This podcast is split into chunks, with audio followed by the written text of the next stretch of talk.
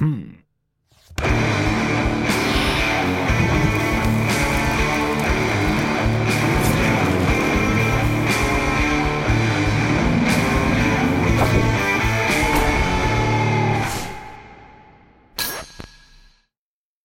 Profesore, dobar dan i dobrodošli. Dobar dan, bolje vas našao. Da, veliko mi je zadovoljstvo da ste ovde uh, danas sa nama i dobrodošli u naš uh, topli dom.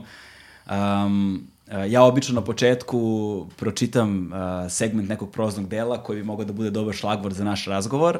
Ovaj, plan je bio da se pročita legendarni deo legendarnog Belog očnjaka, ali sam kasno sam shvatio da uh, nemam tu knjigu iz nekog razloga, da li se me nekome poklonio, pozajmio, ko zna gde je to nestalo, tako da ćemo ovog puta bez proznog dela preći odmah na stvar, ali samo kratak uvod, s obzirom na to da gajim fascinaciju vukovima od malih nogu i od uvek sam želeo da upoznam nekoga ko je zapravo stručnjak za vukove i ko bi mogao o njima da govori. Ovaj, dugo sam pokušavao da pronađem ko bi to mogao da bude, dok uh, jednom prilikom kada smo snimali neki od podcasta, uh, Dragan Jećimović, uh, koji, koji je peo Everest i koji se bavi ekspedicijama, njegova supruga, čini mi se, uh, je, je, moja koleginica, je vaša da, koleginica, tako, tako je, i onda mi on rekao, pa imaš najvećeg stručnjaka ne samo za vukove, nego za karnivore uopšte u, uh, na prostoru Republike Srbije uh, i to ste vi, profesor uh, Duško Ćirović, od skora ste vanredni profesor tako na je. fakultetu, ali tako, od pre neke dve, tri nedelje, ali tako nešto. Tako je, tako je. E, i, I ovaj... I hvala hajde... za ovo najveće. e, hajde, hajde da počnemo uh, lagano, iz početka. Prvo uh, da se predstavite, malo više kažete o sebi i kako je uopšte počela ta ljubav prema karnivorima. Pa nije teško uopšte zavoliti karnivore, zato što su karnivore, kažem, obično harizmatične vrste, vrste koje pri, privlače plene pažnju ljudi, mm. tako i mnogih istraživača. Danas veliki broj se bavi ovim, ovim zverima upravo iz tvog razloga. Nalaze se na vrhu tih trofičkih piramida, to su vrhunski po pravilu predatori, vrlo atraktivne, zanimljive životinje sa zanimljivom ekologijom i nije uopšte teško, ajde kažem tako, zaljubiti se, zavoliti te, te, te životinje. Naravno, uvek je percepcija različita od onih koji žive sa, sa, i deli isti prostor sa životinjama, malo drugačije gledaju na njih nego istraživači ili recimo nego urbana, urbana populacija od kad sam upisao fakultet, e, prosto predatorske vrste su me privlačili, još kao student sam počeo da, da se bavim psisarima, prvo sitnijim tokom studija, Kasnije, kada sam se poslio, počeo sam da radim sa predatorskim vrstama i to radim evo već 25 godina. 25 godina se bavite karnivorima. Karnivorima, da. Dominantno. Molim? Dominantno. Dominantno. Koliko uh, karnivora, karnivora ima u Srbiji? 20. 20 vrsta Tako karnivora, je. ali najdominantniji su? Uh, najviše ima šakal, su najbrojniji lisice i kuna belica, recimo. Dobro, a uh, ono što nas ovde najviše zanima su, dakle, šakali, vukovi, medvedi i risevi.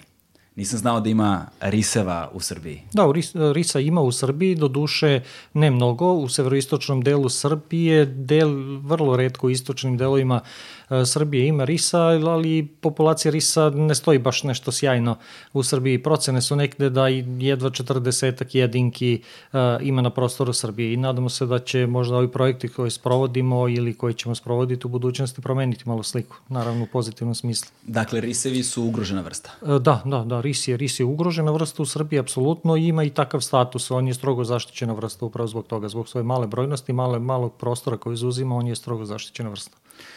Kako izgleda ovaj, život riseva ovaj, na, na, kod nas i čime se oni hrane uopšte? E, pa ja bih rekao da je ris najdivlija životinja iz jednog prostog razloga zato što se drži dosta daleko od čoveka za razliku svih drugih predatorskih vrsta. Traži velike kom, šumske kompleks, komplekse u kojima nema ljudi, a gde je, kako mi to kažem, trofička blaza dobra, znači da ima dovoljno, dovoljno hrane. Glavna hrana risa su srne i divokoze tamo gde je divokoze ima, zec i bređe sitniji plen od sitnih ptica preko puhova i nekih drugih sitnih, sitnih životinjica. U principu većini areala tako je manje više situacije verovatno i kod nas, mada o risu u stvari jako, jako malo znamo. Glavni, glavni plen risa su pre svega srne, ređe divokoze kod nas. Um koliko je teško uočiti risa u divljini? Jako teško. Jako, jako teško. Prvo zato što je redka životinja, zato što živi skriveno, drži se e, dosta daleko od čoveka i generalno mi nemamo mnogo čak ni informacije o prisustvu e, risa kod nas. U poslednje vreme nešto više informacija dolazi zato što tehnologija nam prosto čini život malo lakšim, pa da, pa, i, da. pa istraživanje lakšim. Neke savremeni uređaji koji se pojavili, neke fotozamke, to su automatski fotoaparati koji rade na senzor, koji predstavlja ovako jednu jedinstvenu celinu, jedan jedinstven sklop, e, prikupljaju mnogo podataka i u poslednje vreme pristiže na taj način ovaj, malo, malo više podataka. Takođe od ljudi sa terena, lovaca, ljubitelja prirode s vremena na vreme čujemo neki glas da je negde neko video risa ili našao trag, ali sve to redko, to je na nivou godine recimo možda do desetak nekakvih informacija, što opet govori o tome koliko je ta životinja redka kod nas. Koliko, šta ste to novo uspeli da saznate o životu risa iz tih informacija koje ste dobijali u posljednjih godina? A, a što ono, niste znali ranije? Ono, ono što nam je najvažnije je da ga ima, da se možda populacija blago kreće u nekom pozitivnom smislu, ako, ako možemo tako da kažemo, znači da polako raste ta brojnost i ono što je možda najznačajnija informacija svega toga da možda ljudi sada počinju malo više da obraćaju pažnju, imamo više podataka, ljudi su malo više informisani i to mnogo znači za zaštitu. Mhm.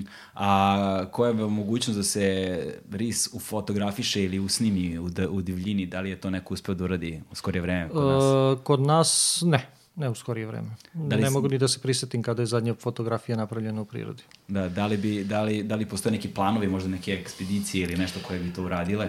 Pa nama nije neki u fokusu da pravimo fotografije, da. nama je u fokusu da se bavimo istraživanjem, da prikupljamo naučne informacije koje ćemo koristiti u zaštiti i oporavku te populacije, ne samo te i mnogih drugih, pa čak i oni koji, ajde da kažemo uslovno dobro stoji, imaju dobre brojnosti, da te naučne informacije ili informacije koje dobijamo uh, tokom sprovođenja monitoringa koristimo za upravljanje tim populacijama.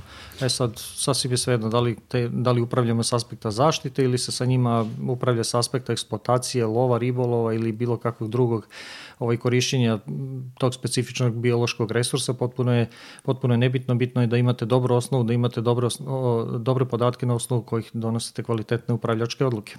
Koliko su ti risevi kod nas veliki zapravo? Kako, koje su dimenzije? Mislim, ako love srne i pa, koze? Prosečno masa, masa risa je između 16 i 25 kg, mada budu teški mužijaci, krupni mužijaci preko 30 kg. Mislim da su risevi koji nekoliko je premereno da su tu bili mase između 16 i 22-3 kg. Dobro. A koliko se zna, koliko teritoriju jedan ris recimo zauzima, pošto kapiram da oni žive samotnjački prirod, nisu u čoporima i grupama i tako da, dalje, da, da, nego da, žive da. samotnjački i zauzimaju određen deo teritorije kao samostalno, da se ne sreću međusobno. Uvek, uvek e, kod predatorske vrsta teritorije zavisi se od e, više faktora. Zavisi od e, uzrasta životinje, zavisi od pola, da li je mužijak, da li je ženka, zavisi da li ima socijalnu organizaciju, nema, recimo da li živi u čoporima kao, kao vukovi ili ne žive pojedinačno, e, e, zavisi od toga kakva je trofička baza, odnosno koliko hrane ima na nekom, na nekom prostoru. Sve su to faktori koji utiču na, na veličinu teritorije. Tako da nema nekog jedinstvenog šablona da možemo da kažemo da je teritorija u nekom malom rasponu. Teritorije risa se kreću od e, nekoliko desetina kvadratnih kilometara, tamo gde su dobri, dobri uslovi velike gustine, pa do nekoliko stotina kvadratnih kilometara. Mi, nažalost, nemamo tih informacija koliko su teritorije uh, risa kod nas, jer nismo imali do sada programe praćenja ovaj, uh, kretanja, kretanja risa, nažalost, ali se nadamo da ćemo tu sliku možda promeniti u nekoj skoriji budućnosti. A njihovom sretanju, razmnožavanju, eventualnim sukobima? Mnogo, mnogo, mnogo, mnogo malo praktično znamo o, ri, o risu. Zaista vrlo, vrlo malo ekologije risa u Srbiji. A šta, šta, šta, šta, u kojoj oblasti u životu risa se najviše zna? Uh, Pa naj, najviše znamo tu njegovu uh, geografiju, znači gde, gde je prisutan, na kom pro, koji prostor naseljava, sve ostalo velika misterija.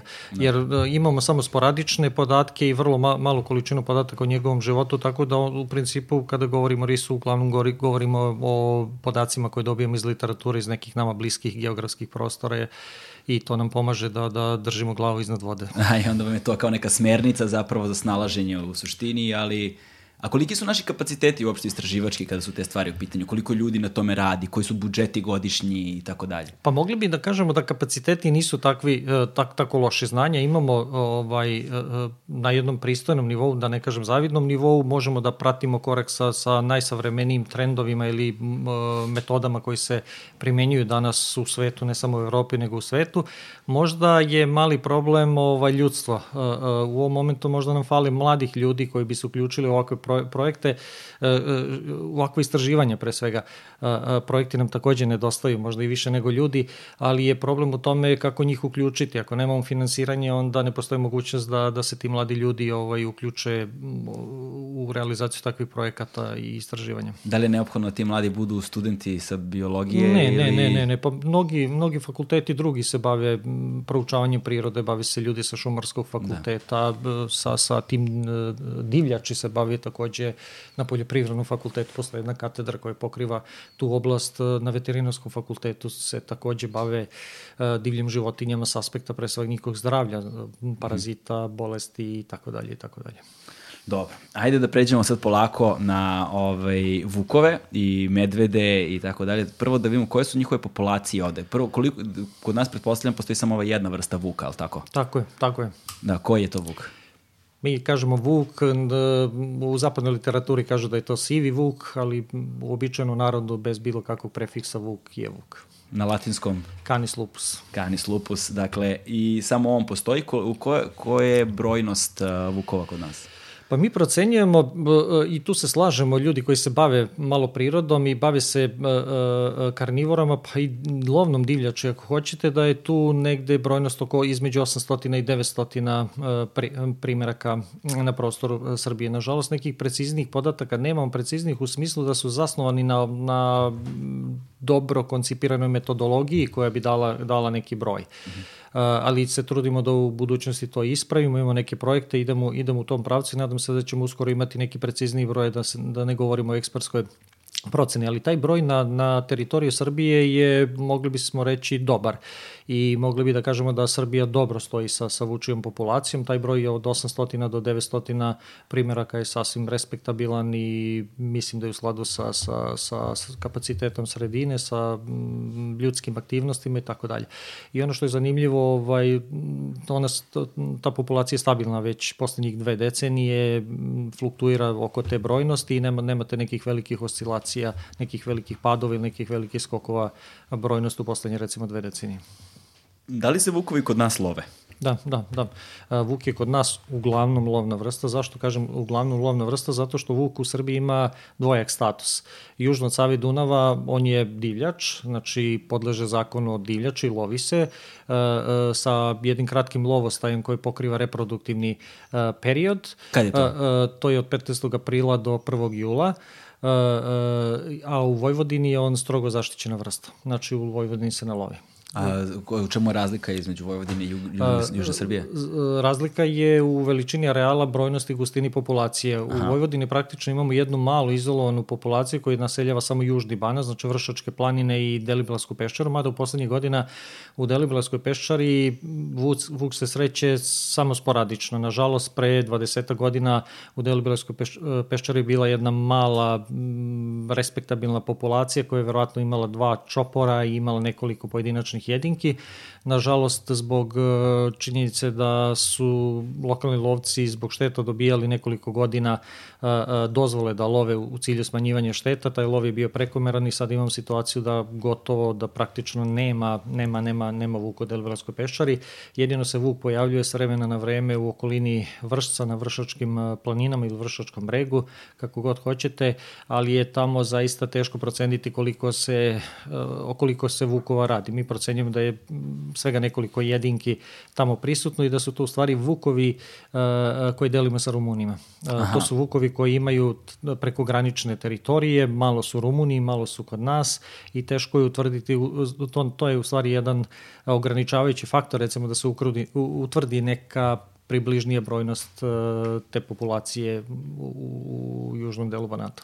Ali, to, ali taj Banata. problem sa uh, populacijom i sa brojanjem populacije za važi zapravo i za druge karnivore i verovatno za druge životinske vrste s obzirom da veliki broj njih medvedi, na primer, i vukovi između oslog prelaze i bosansku granicu i rumunsku granicu ovaj, i da nismo sigurni koji je to stalan broj koji je kod nas, koji je to koji je kod njih i koje, sa, ko, sa kojim, kojim brojem životinja zapravo raspolažemo. Tako je, to je jedan od problema uh, pri procene brojnosti populacije kada se radi o životinjama koji imaju velike teritorije. Mm -hmm. A generalno krupne karnivore imaju velike teritorije koje mogu, kao što sam malo pre rekao, kao za risa od nekoliko desetina pa do nekoliko stotina, kod medvedo uh, možemo da govorimo i o hiljadama kvadratnih kilometara koliko su njihove individualne, individualne teritorije. Drugi problem je skriveni, skriveni način života. Karnivore po pravilu imaju skriven način života, aktivne su samo ili uglavnom toko noći, tako da ih je teško detektovati. Međutim, neke savremene opet metode omogućavaju da se te te populacije mogu prilično precizno uh, proceniti. Recimo, uh, najčešće korišćena danas metoda u svetu i koja daje fantastično precizne re rezultate je ne, neinvazivno prikupljanje biološkog materijala. Taj biološki materijal recimo može da bude izmet životinje, može da bude dlaka životinje, može da bude urin životinje, bilo kakav biološki materijal iz koga mogu da se izoluje nekakve ćelije, iz ćelija se izoluje DNK i na osnovu DNK na nekoliko raštih opet metodoloških načina možemo da prebrojimo te jedinke, e, odnosno jed, broj, broj jedinke unutar neke populacije. Dakle, mi imamo centre koji se bave time, laboratorije da, koje da, se time da, imam, bave. Imamo, imamo znanje, imamo manje više smo i opremljeni. Znači, ono u principu u ovom momentu naj, najkritičniji u stvari novac, finansiranje. Da. Ukoliko nađemo ovaj, novac, mogli bi da radimo mnoge, mnoge stvari koje su na, na izuzetno naprednom tehnološkom nivou. Da.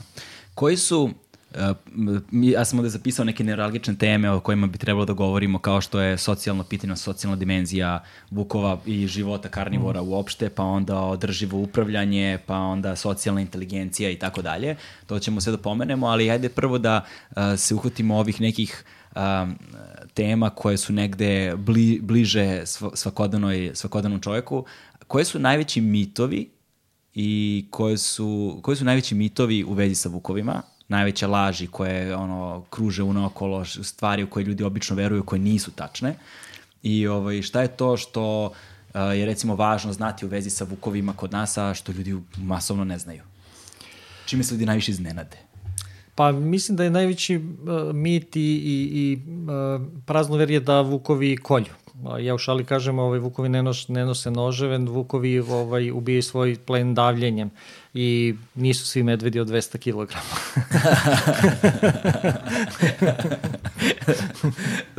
A ovaj, to zapravo e, objašnjava ove a, narodna verovanja šta beše narod veruje kada, kada, kada, kada nema krvi na licu mesta gde je životinja ubijena? E, tako je, e, to su folklorni pogledi na, na, na život vuka i, ajde da kažem, na ekologiju, na ponašanje, ponašanje vuka.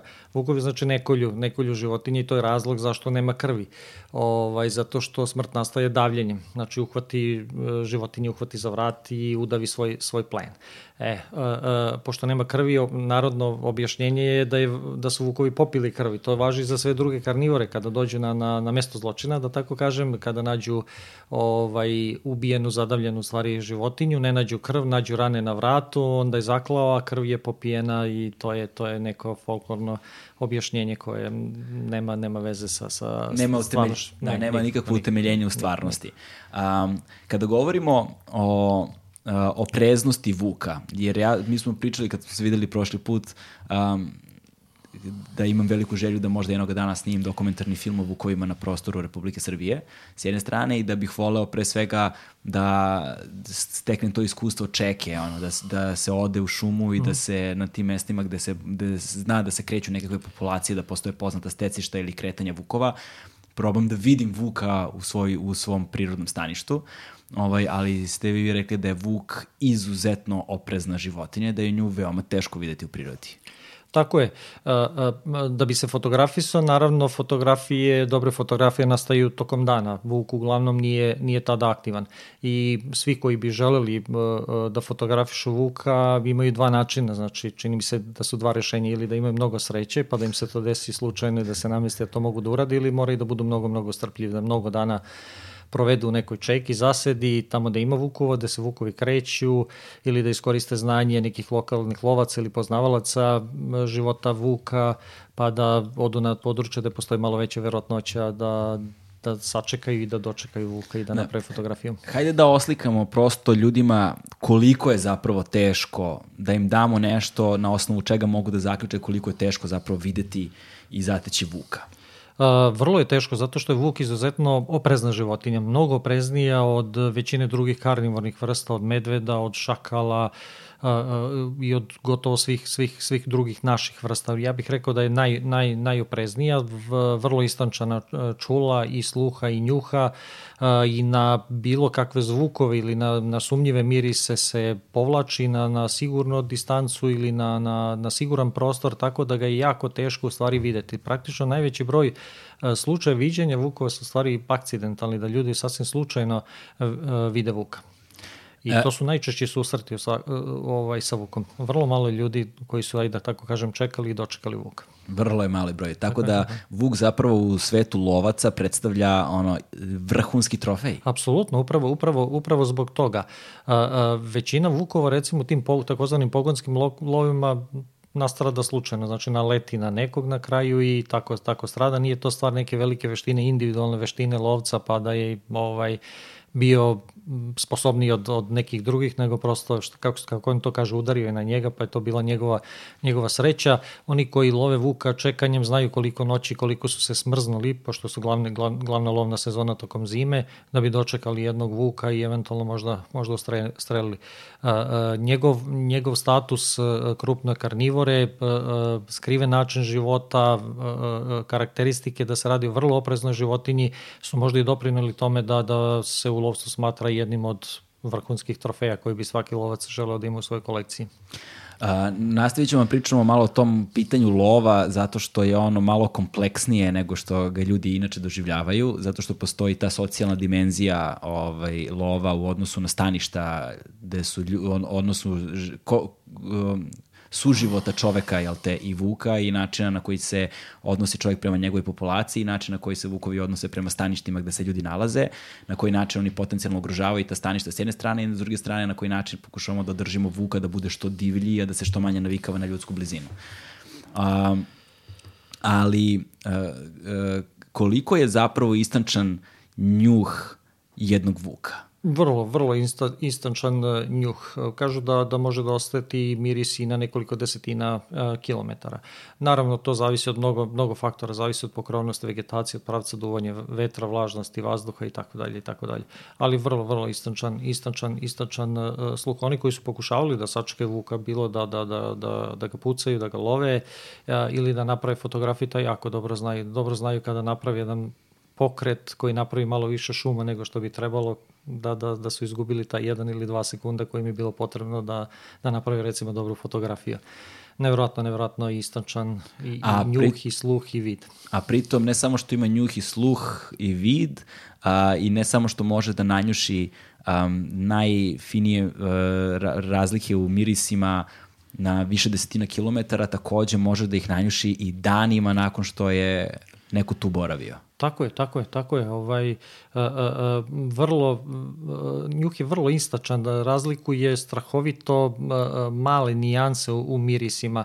A, a, jedan od, a, taj svoj njuh u stvari koriste između ostalog u toj takozvanoj hemijskoj komunikaciji. Vukovi obeležavaju svoje teritorije, pojava bilo kakve nove markacije, to je izmet ili, ili urin ili mirisi nekih žlezda, ovaj, govore o pojavi recimo nekih drugih jedinki na, na njihovim teritorijama ili nekim drugim drugih životinja, tako da i vuk po tome recimo sakuplja veliki broj informacija komu se kreće na njegovom prostoru, na njegovoj teritoriji i na taj način i brane, brane teritoriju, markiraju svoju teritoriju, stavljaju do znanja da, da je to zauzet prostor i da neki drugi vukovi ne bi trebali da Da.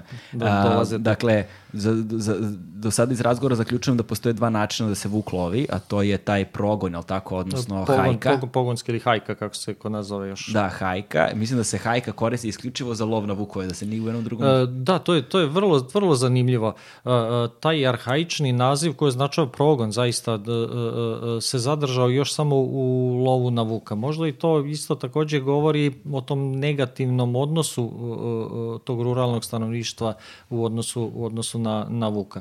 Jer na početku razgovora smo rekao da prosto e, stanovništvo e, različito percipira Vuka e, i to, te, ta percepcija zavisi od toga da li sa njim delite prostor ili ne. Da. Urbano stanovništvo generalno e, blagonaklono gleda kak tim divljim životinjama, voli ih, želi da se zaštite i tako dalje, dok ono stanovništvo koje deli sa njim prostor ima negativan, negativan odnos prema njima, zato što s vremena na vreme imaju štete, prosto imaju sukob interesa. Recimo, lokalno stanovništvo i predatorske vrste se nalaze u kompeticiji. Lovci i i, i, i predatori se nalaze u kompeticiji zato što love isti plen.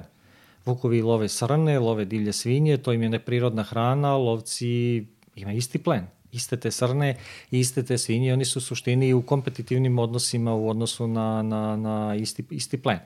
I onda to stvara negativnu sliku ovaj, e, prema vuku. Čak ni lovci nisu uh, svi blagonakloni, blagonakloni u odnosu na, na vuka. Mislim da tu dosta zavisi stepen sada, tu postoji male fine razlike, čak i na lokalnom nivou u odnosu na stepen obrazovanja. Ljudi koji su obrazovani, ajde da kaže kako to naš narod kaže, na čitani, pa malo više znaju ili su pročitali vuk, onda razumeju te odnose vuka i plena i potrebe prosto da, da se hrani, dok oni koji manje znaju imaju negativniji odnos e, i to stvara, stvara jednu iskrivljenu sliku, sliku o vuku.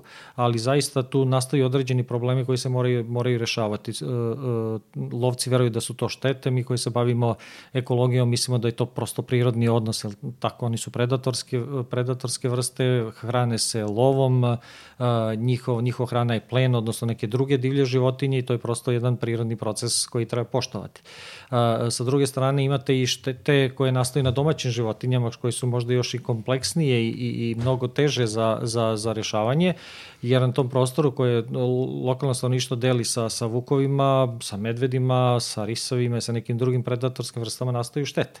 S vremena na vreme vukovi upadaju u torove ili na pašnjake, dave domaće životinje i tu nastaju štete. Nekada te štete mogu da budu zaista velike. Velike u smislu broja, broja e, stoke koje strada i materijalne vrednosti nastale, nastale štete.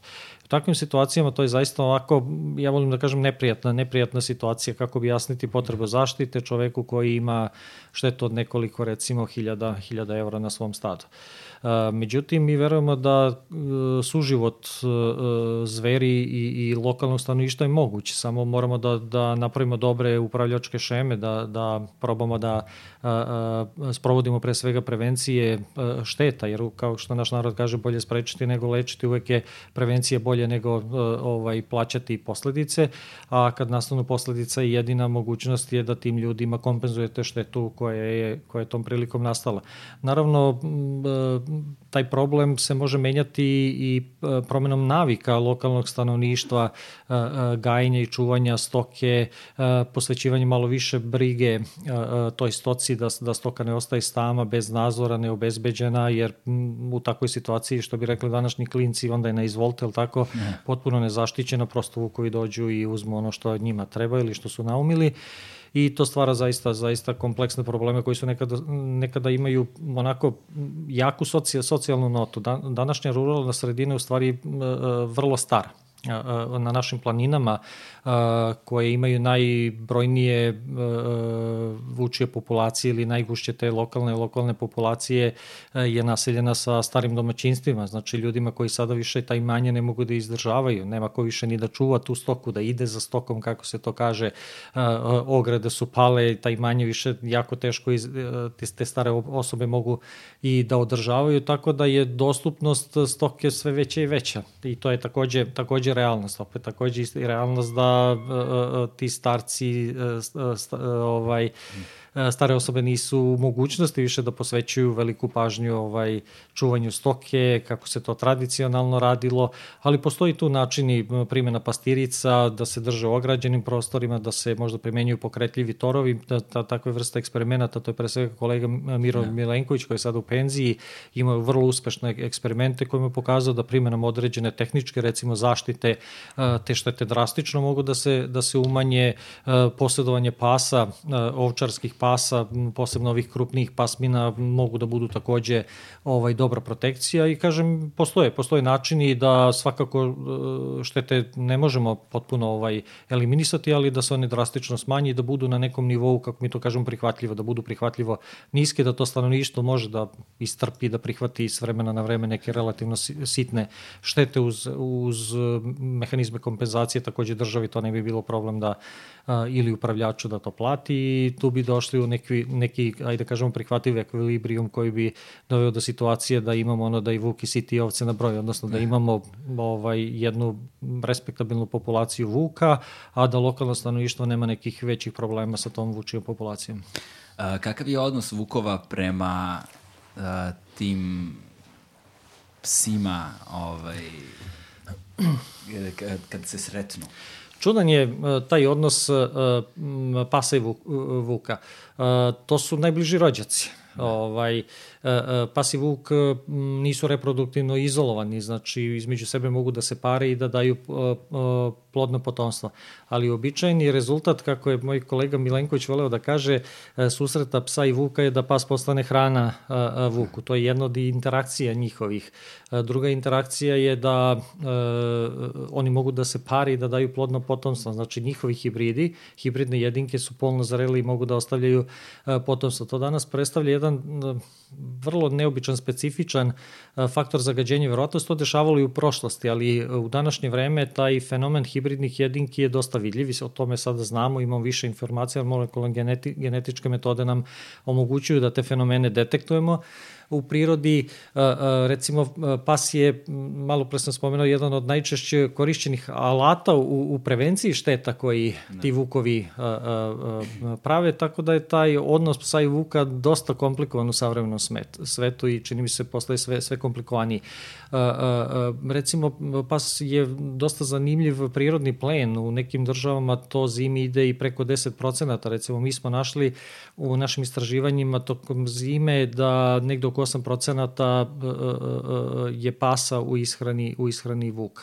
8%. 8%. To nije mali broj. Nije, nije to mali procenat, to je ovako jedna zanimljiva, rekao bih, alternativna hrana, hrana za vuka. Prema izveštajima, recimo lovaca, velika koli, veliki broj pasa strada tokom lova od vukova. Znači, bivaju, bivaju od, od lovaca postoji odjednom, odjednom plen ovaj, u, u prirodnim, prirodnim, prirodnim ekosistemima, što naravno to dodatno ljuti lovci, stvara tu nek, negativnu sliku u odnosu, u odnosu na, na, na, na vukove, to je još jedna komplikacija, komplikacija više, ali prema njihovim izveštajima izgleda da, da broj, e, broj e, pasa, lovačkih pasa, znači vlasničkih pasa koji strada nije tako mali u Srbiji. To bilo zanimljivo ovaj tema za istraživanje da probamo da prikupljamo podatke e, koliko lovačkih pasa godišnje strada mm -hmm. na, i naročito okolnosti okolnosti pod kojima na, nastaju takvi, takvi ovaj događaji, ovaj, da. takva stradanja vuka, bez obzira da li se radi o smrtnom ishodu ili se radi o povređivanju po pravilu te povrede iako se spasi pas, te povrede budu jako ozbiljne i jako velike. I onda da. iziskuju vlasnicima velik, veliki novac da, da, da saniraju te povrede. Da saniraju te povrede i, nažalost, veliki broj vlasničkih pasa ovaj, biva uspavano ukoliko oni barem u tim domaćinstvama izgube funkciju, odnosno ne mogu više da a, obavljaju funkciju zbog koje su dovedeni tu, odnosno zbog koje su nabavljeni, posebno ti ovčari. To je, čini mi se, isto takođe jedan, jedan problem, ali neka druga dimenzija koja baš i da. nema veze sa prirodom. Um, nego, uh, u koji procenat, ukoliko postoje sad ti neki molekularni podaci na osnovu kao koji može, ko, koji procenat uh, pasa se, se, koji procenat vukova u čoporima zapravo nosi sa sobom neki DNK pas? A, ne znamo u ovom momentu tu informaciju, znamo da imamo hibridnih jedinki, jer imamo U prve... čoporima? Da, da, da, da, da, da. Imamo, imamo, imamo te prve dokaze. A, a, ove godine mislim da ćemo početi tu, tu vrstu analiza i nadam se da ćemo do kraja godine imati neke prve prve rezultate. A, imamo respektabilnu bazu ovaj, a, a, tkiva Vukova, jer poslednjih deseta godina i nešto malo duže prikupljamo ovaj tkiva stradalih Vukova u Srbiji, iz njih izolujemo DNK i sada imamo jednu bazu od preko 300 Vukova u Srbiji. Neki od tih Vukova morfološki vidimo da su, da su hibridi, sada nam treba samo ovaj, molekularna potvrda. Koliki je taj procenat, rano, rano je govoriti, ali nekoliko procenata sigurno, sigurno će imati hibrida i mislim da će Srbija biti jedna od zemalja koja, čini mi se, ima najveći procenat tih hibrida ovaj, u Evropi, ali nemojte me držati u ovom momentu za, za, za reč, to je samo, samo moje procena, vidjet ćemo kad dođu konačni rezultati, onda ćemo imati vrlo precizan podatak koliko hibrida. Kad kažem... ono, ono što je zanimljivo takođe što ćemo dobiti podatke uh, uh, kada je nastala ta hibridizacija, odnosno pre, da li se radi o prvoj generaciji, znači, uh, uh, ajde da kažemo, detetu od, od roditelja prvoj generaciji ili se radi o nekoj drugoj, trećoj generaciji, to će biti jako, jako zanimljivo. I da vidimo u kojim područjima najčešće dolaze do hibridizacije hibridizaciji, to će možda dati neke odgovore e, e, na, na, na buduće e, savremeno upravljanje populacijama i da probamo da preveniramo takve događaje u budućnosti. To je fascinantno. Posebno me sad zanima podatak koji su to psi sa kojima se, odnosno koje su to vrste pasa ovaj, sa kojima se pare vukovi, da li se zna možda koja je pasmina to je, Ne, mislim da nema, nema nikakvog pravila i to je prava misterija. Naravno, ono što znamo, što, što možemo da, da, da dobijemo kao odgovor iz uh, tih molekularnih studija, uh, to je da u većini, ogromnoj većini slučajeva parenje ide tako što se ženka vuka pari sa mužijakom psa. Aha, to je dakle. preko 90% slučajevi, suprotno je vrlo redko, redko da se mužijak vuka pari sa ženkom psa. Da, vrlo... To, je, to, je, to se vrlo redko dešava. To pa je da, uobičajeni, uobičajeni put. Verovatno je zbog te socijalne strukture koje postoji u čoporima. Verovatno to ima sad neke, ve, neke, neke, neke veze sa time. Mislim da je, da je pre nagon, nagon za opstanak. Prosto ženka kada uđe u, u, u proces reprodukcije, u teranje, uh, traži ovaj, uh, mužijaka, uh, da, da bi oplodio, nema vuka, alternativa je negde tu pored nje i iskoristi priliku koju ima. Je otprilike, što bi naš narod rekao, daj šta daš. A dakle, dešava se da postoje vučice koje su bez čopora? Da, naravno, naravno postoji vučice bez čopora, postoji vukovi bez, bez čopora, to zavisi od mnogo faktora. Nekada vukovi ostranjuju pojedine, pojedine svoje članove, ali ono najčešće ti takozvani samci, mislim da kod nas je daleko veći slučaj e, e, da ostaju sami zbog e, permanentnog uzništavanja strukture čopora. Kod nas je vuk lovna struktura, nema nekog selektivnog odstrela, tako da se jako frekventno uništava struktura, struktura tih čopora. I praktično kod nas su jako redki čopori da recimo imate preko desetak vukova, čak i preko 7-8 vukova se dosta, dosta redko sreću u prirodi i to je upravo rezultat činjenice da se vuk lovi, vrlo intenzivno lovi. A, koji bi prosečan broj vukova u čoporu u idealnim uslovima bio normalan?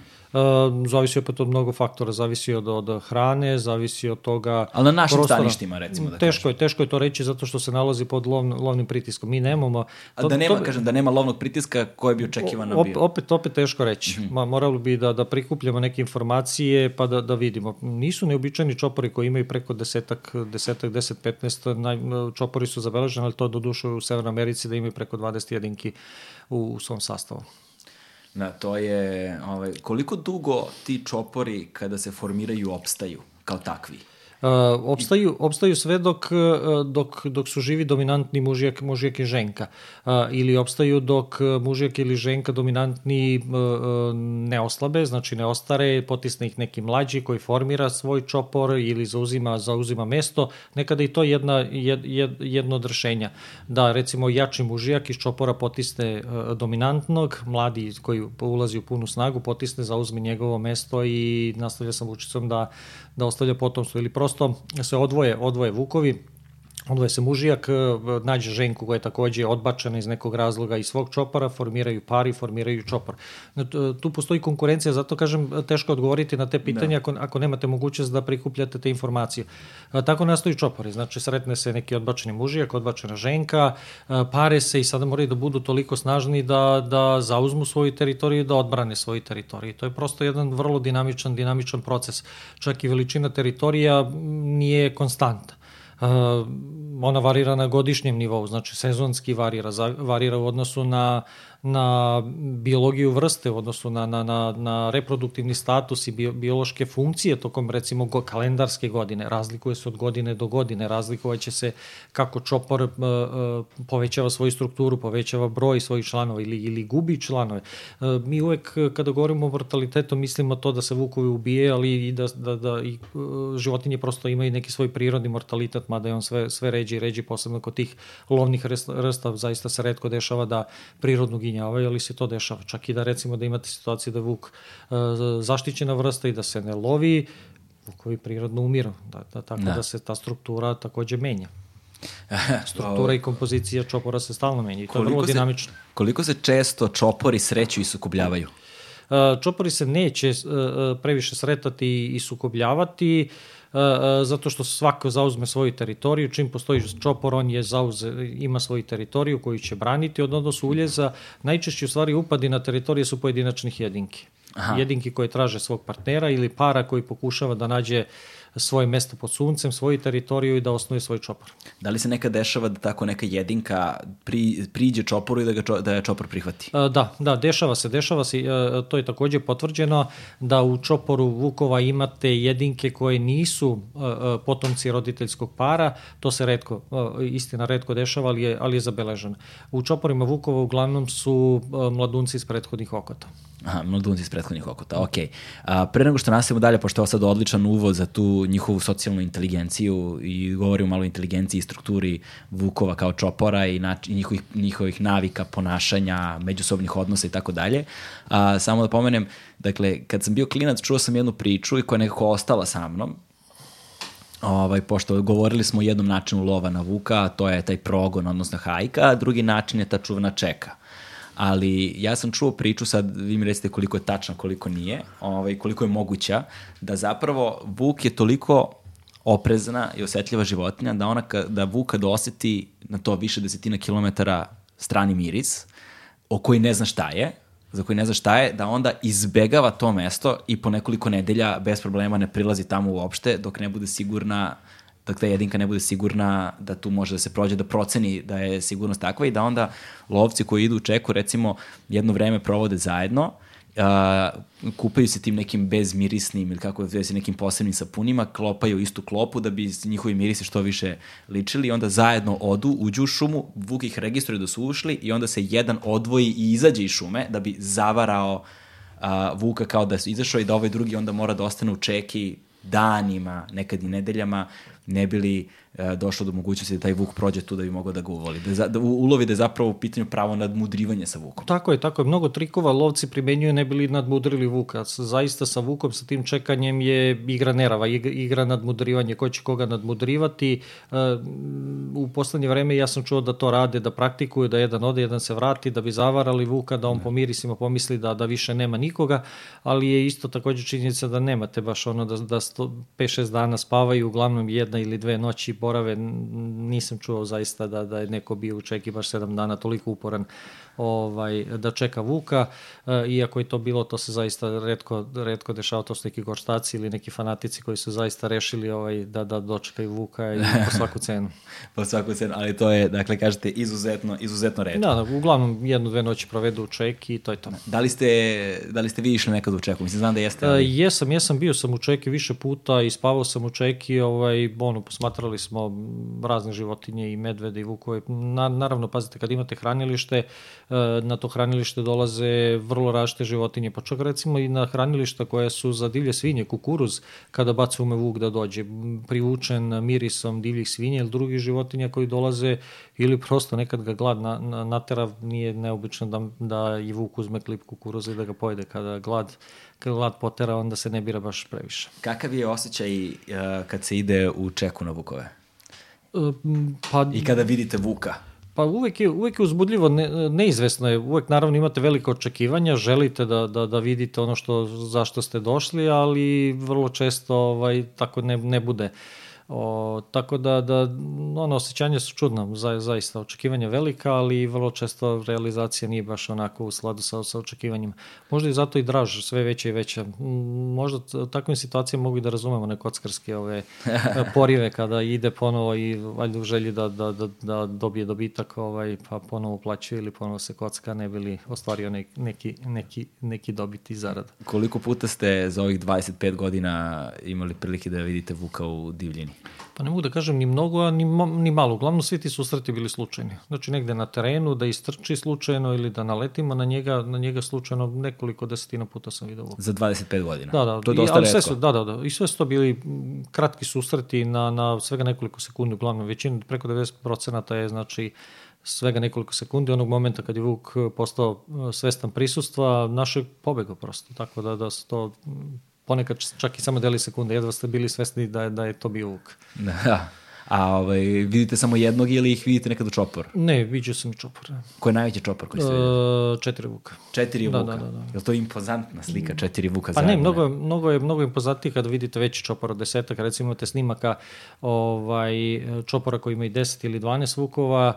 Uh, uh, društvo ljubitelja jadovnika ima kamere postavljene na hranilištu, ima vrlo atraktivne snimke, ima neki link koji može da se pogleda i preporučujem ko ljudima koji vole vuka, koji budu slušali ovo da ode, da odu tamo na njihov sajt. Na koji sajt? Uh, društvo, mislim da se dru, ne, nevladina organizacija koja se zove Društvo ljubitelja jadovnika, ako se dobro sećam tačnog na, naziva, lokalni entuzijasti tamo iz Prijepolja održavaju jedno hranilište na jadovniku na kojem dolaze medvedi, vukovi, ovaj, dolaze divlje svinje, jazavce, lisice i tako dalje i tako dalje. Imaju zaista atraktivne, atraktivne snimke po nekoliko lisica, 7-8 lisica možete vidjeti u istom trenutku i imali su čopore, ako se ne varam, pre dve godine snimljenje čopora 12 vukova i to zaista izgleda impozantno. Ove zime im dolazio jedan čopor 10 vukova, imali su 7 vukova na hranilištu, sad u poslednje vreme dolazi pet nekih jedinki, tako da, da zaista imaju, imaju čak i vrlo atraktivne dnevne snimke, ovaj, neke zanimljive interakcije vraštih životinja, vukova, lisica, medveda, lisica, medveda i vukova, ima zaista mnogo, mnogo lepih, lepih snimaka koji su nastali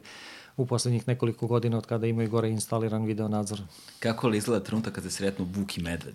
E, sve to zavisi od mnogo, mnogo faktora. Zavisi od toga uh, da li... Da li se uopšte da često sreću? Pa znamo u principu sa tih mesta na koje, koje osmatra, znači na koje recimo ili neko sedi i osmatra, na tim mestima na kojima imamo postavljen nadzor, da li se radi o fotozamkama ili se radi o tim kamerama nadzornim, sasvim svejedno i u, u principu odatle najviše, najviše podataka ima. Reakcije su potpuno drugačije, verovatno zavisi od niza, niza okolnosti. Mi imamo recimo fotografije gde na istoj lešini jede medved i vuk u istom momentu ili jede medved i lisica bez ikakvih problema. Ali isto tako imamo da teraju jedni druge, da vukovi teraju lisice, da, da teraju divlju svinju sa, sa hranilišta, da medved tera ovaj, vuka, da tera lisicu i tako dalje. Ima, imate, imate raznih, raznih, raznih situacija i verovatno to zavisi od toga koliko, je, koliko su životinje gladne, koliko su spremne uopšte da, da uđu u sukob sa, sa nekom drugom životinjom. Naravno, mm -hmm. uvek svaki sukob je rizik i za jednu i za drugu stranu i ne ulaze životinje baš tako rano, rado u, u, u sukobe bez potrebe. Da, govorili smo o lovu na vukove, ali zapravo nismo govorili ništa o tome, o lovu, o, o, o lovu vukova, odnosno uh, životinja koje vukovi love, uh, jer prema nekom pravilu, ono, prirode u suštini um, sposobnosti i veštine kojima su opremljeni, opremljeni predatori i kojima su opremljen plen je taman tako balansiran da svaki plen vrlo lako može da pobegne od uh, predatora i da su oni po pravilu brži od njih. Tako je, tako je. E,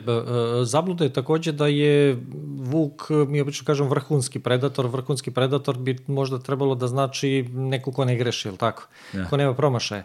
Ali istina je potpuno drugačija. Recimo, istraživanje pokazuju da od desetak, recimo, napada jedan, jedva jedan bude uspešan. Znači, nije biti predator to baš lak život, kako većina nas misli da, da sve može da se stigne i da sve može, može da, se, da se uhvati. Vrlo često plen pobegne, naravno, i plen je, ima niz adaptacije koje mu omogućava da izbegne, izbegne plen. Da li to sposobnost da se sakrije, da trči brže od, od svojih predatora ili da koriste neke specifične terene poput divokoza ili recimo planinskih koza ovaj, u, u Severnoj i Severnoj Americi koji mogu da, da se kreću tim izuzetno nepristupačnim terenima i na taj način izbegavaju predator ili su prosto brzi, znači pouzdaju se u svoju brzinu, ali uvek u takvim populacijama imate slabih jedinki, jel tako, iznemoglih, e, iz raznih razloga ili zato što su slabo prihranjene, slaba je e, hrana te godine ili su bolesni, pa nisu baš u najboljoj kondiciji, pa, plenu, pa, pa predatori uspevaju nešto, nešto da, da stignu. To je uvek e, jedna, jedna čudna prirodna prirodna igra u kome učestvuje predator i plen. Znači nije predator tako sposoban da, da, da tako lako dolazi, ne dolazi se tako lako, lako do plena. Zato većinu u ovom savremenom svetu se predatora ponaša oportunistički, dolazi na neke antropogene izvore hrane, na neku lešinu, uginule životinje ili klanični otpad koji mi ostavljamo u prirodi, jer to mnogo jednostavnije ovaj, e, e, e, za, za, za koristiti, ne morate da trčite za njim, ne morate da ulažete mnogo energije, a znate da stoji hrana i da će vas i sutra, sutra sačekati. Posebno u nekim situacijama ljudi imaju naviku da na određenom prostoru bacaju to oko sela ili na nekim određenim mestima ili delovima, delovima ovaj, oko naselja i onda imaju jedne sigurne, sigurne izvore hrane ovaj, koji mogu da im garantuju da se neće vratiti kući gladni. Ali na koji način to đubre ljudsko koje se ostavlja, organsko đubre kojima se hrane predatori, na koji način oni menjaju predatore, njihovu čud, možda prirodu? Pa menjaju prirodu sva, svakako, menjaju prvo njihovu strategiju ishrane, oni prelaze na oportunizam. Oportunizam je u suštini idete liniju manjeg otpora, ili tako? Da. Idete ka onome što vam je lakše dostupno i što ćete lakše, lakše da koristite.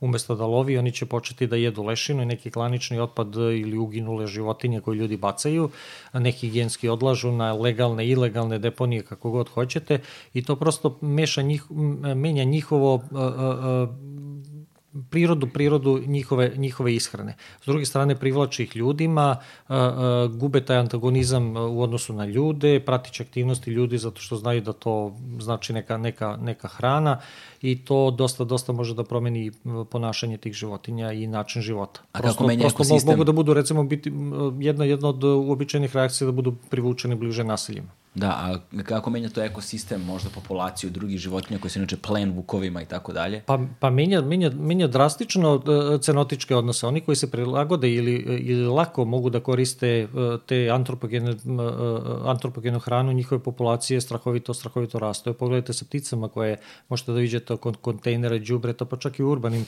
urbanim sredinama, vrane, gačci, svrake su jako brojne zato što su se prilagodili prilagodile da koriste hranu iz kontejnera. Velika količina, iza nas ostaje velika količina hrane, praktično za njih nepresušna i to im omogućava da, da razviju uh, populacije koje su veoma, veoma brojne. Golubova, na primjer, više Procim, uopšte nema u prirodi.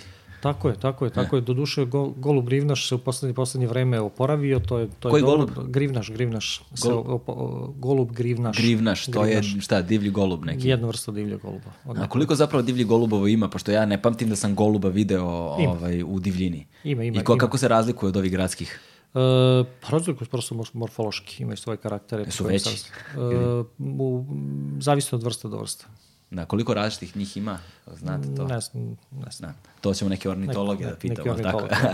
ovaj, kad već govorimo o tim vukovima i o njihovom plenu i o njih, na, način na koji vukovi love i sad možemo da pređemo na tu njihovu inteligenciju. Koliko je zapravo vuk inteligentan životinja? Pa mogli bi reći da je vrlo inteligentna. Jedna, jedna možda i dokaza njih, njihove inteligencije ta, to udruživanje udruživanje u, u čopore i bilo i svih tih životinja koji imaju socijalnu organizaciju u stvari njima omogućava da dođu do mnogo većeg plena. Znači životinje koje love individualno ili love u paru po pravilu ne mogu da obore neki plen koji je mnogo veći od njih zahvaljujući činjenici da su oni udružili, jel tako, i da postoji neka organizacija podela posla ovaj, unutar, unutar tog čopora, recimo jedna od prednosti upravo, upravo ta, možda i na, najveća prednost u stvari a, a, tog udruživanja u, u čopore da mogu da obore mnogo, mnogo, mnogo veći plen nego, nego što su oni mm. sami. Znači plen vuka možda bude, budu životinje uh, uh, koje su nekoliko desetin, recimo desetak puta teže, na primjer, od njega, od njega samog, ali uh, uspevaju da uhvate i da, da, da ovaj, usmrte plen zahvaljujući to, to, tom svom grupnom lovu. Um, kako, kakva je struktura, dakle, čopora, kako je podeljena hjerarhija, kako oni, šta je to što znamo zapravo njima, a šta je to što ne znamo i što je misterija ona za nauku? Pa mnogo toga se još uvek ne zna o ponašanju vukovima, mada, mada je ono dosta poslednjih, e, poslednjih nekoliko decenija proučavano, pre svega zahvaljujući istraživačima iz Severne Amerike i tu dosta, to se već dosta, dosta zna o ponašanju vukovima. Naravno, dosta, postoji još dosta misterija, dosta novih stvari se i dalje otkriva. Ono što je u stvari krucijalno i najvažnije u svemu tome je e, e, struktura te socijalne organizacije, da u tom centralnom ili, ili vršnom delu stoji dominantni par, alfa, alfa mužijek i alfa ženka, koji su stvari pare i ne dozvoljavaju počinjenim, jel tako, u čoporu da ulaze u reproduktivni, reproduktivni ciklus. Ovi ostali pomažu u lovu, u odgajanju, odbrani teritorije, sa druge strane dobijaju zaštitu tog dominantnog dominantnog para i prosto postoji jedna podela, podela posla koja svima donosi dobro. U Čoporu su jedinke zaštićeni jer su zajedno jače u odnosu na svoje konkurente, jel tako? Da. Recimo druge, druge vukove lakše dolaze do, do, do hrane, sigurniji su i zaista ta, ta, ta socijalna organizacija, to udruživanje donosi mnogo, mnogo benefita, benefita takvim životinjama. E, ta struktura socijalna, njihova, ta inter, dakle, u čoporu se samo alfa mužek i alfa ženka tako, pare. Tako je. Niko drugi se ne pari. Ne, ne, ne. Ostali Postoji sam... supresija, prosto, prosto njih, njihova ovaj, supresija da ostale jedinke u čoporu ne mogu, ne mogu da ulaze u reproduktivni, reprodukciju. Kako se oni postavljaju, kako se dokazuje, na koji način? E, snagom. Snagom.